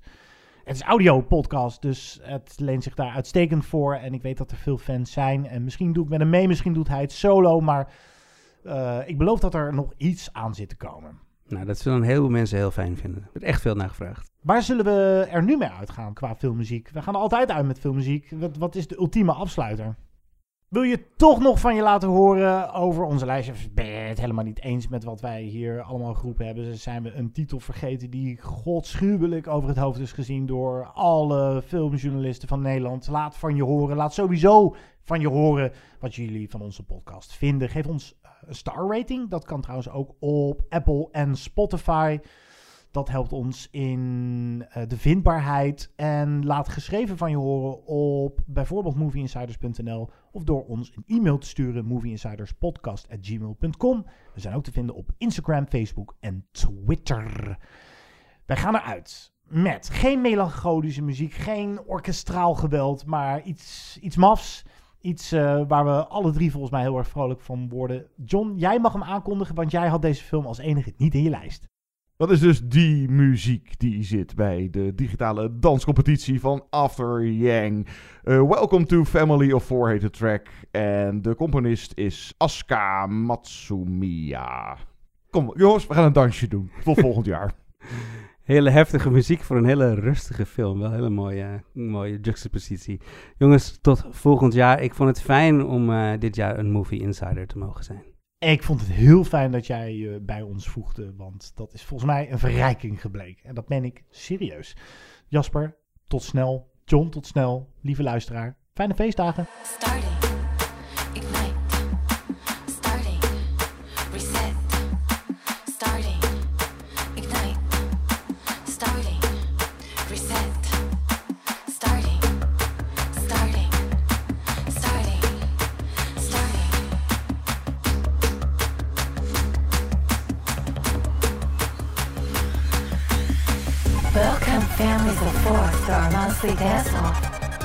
We have over 30,000 families competing tonight. Are you ready? Stay in sync.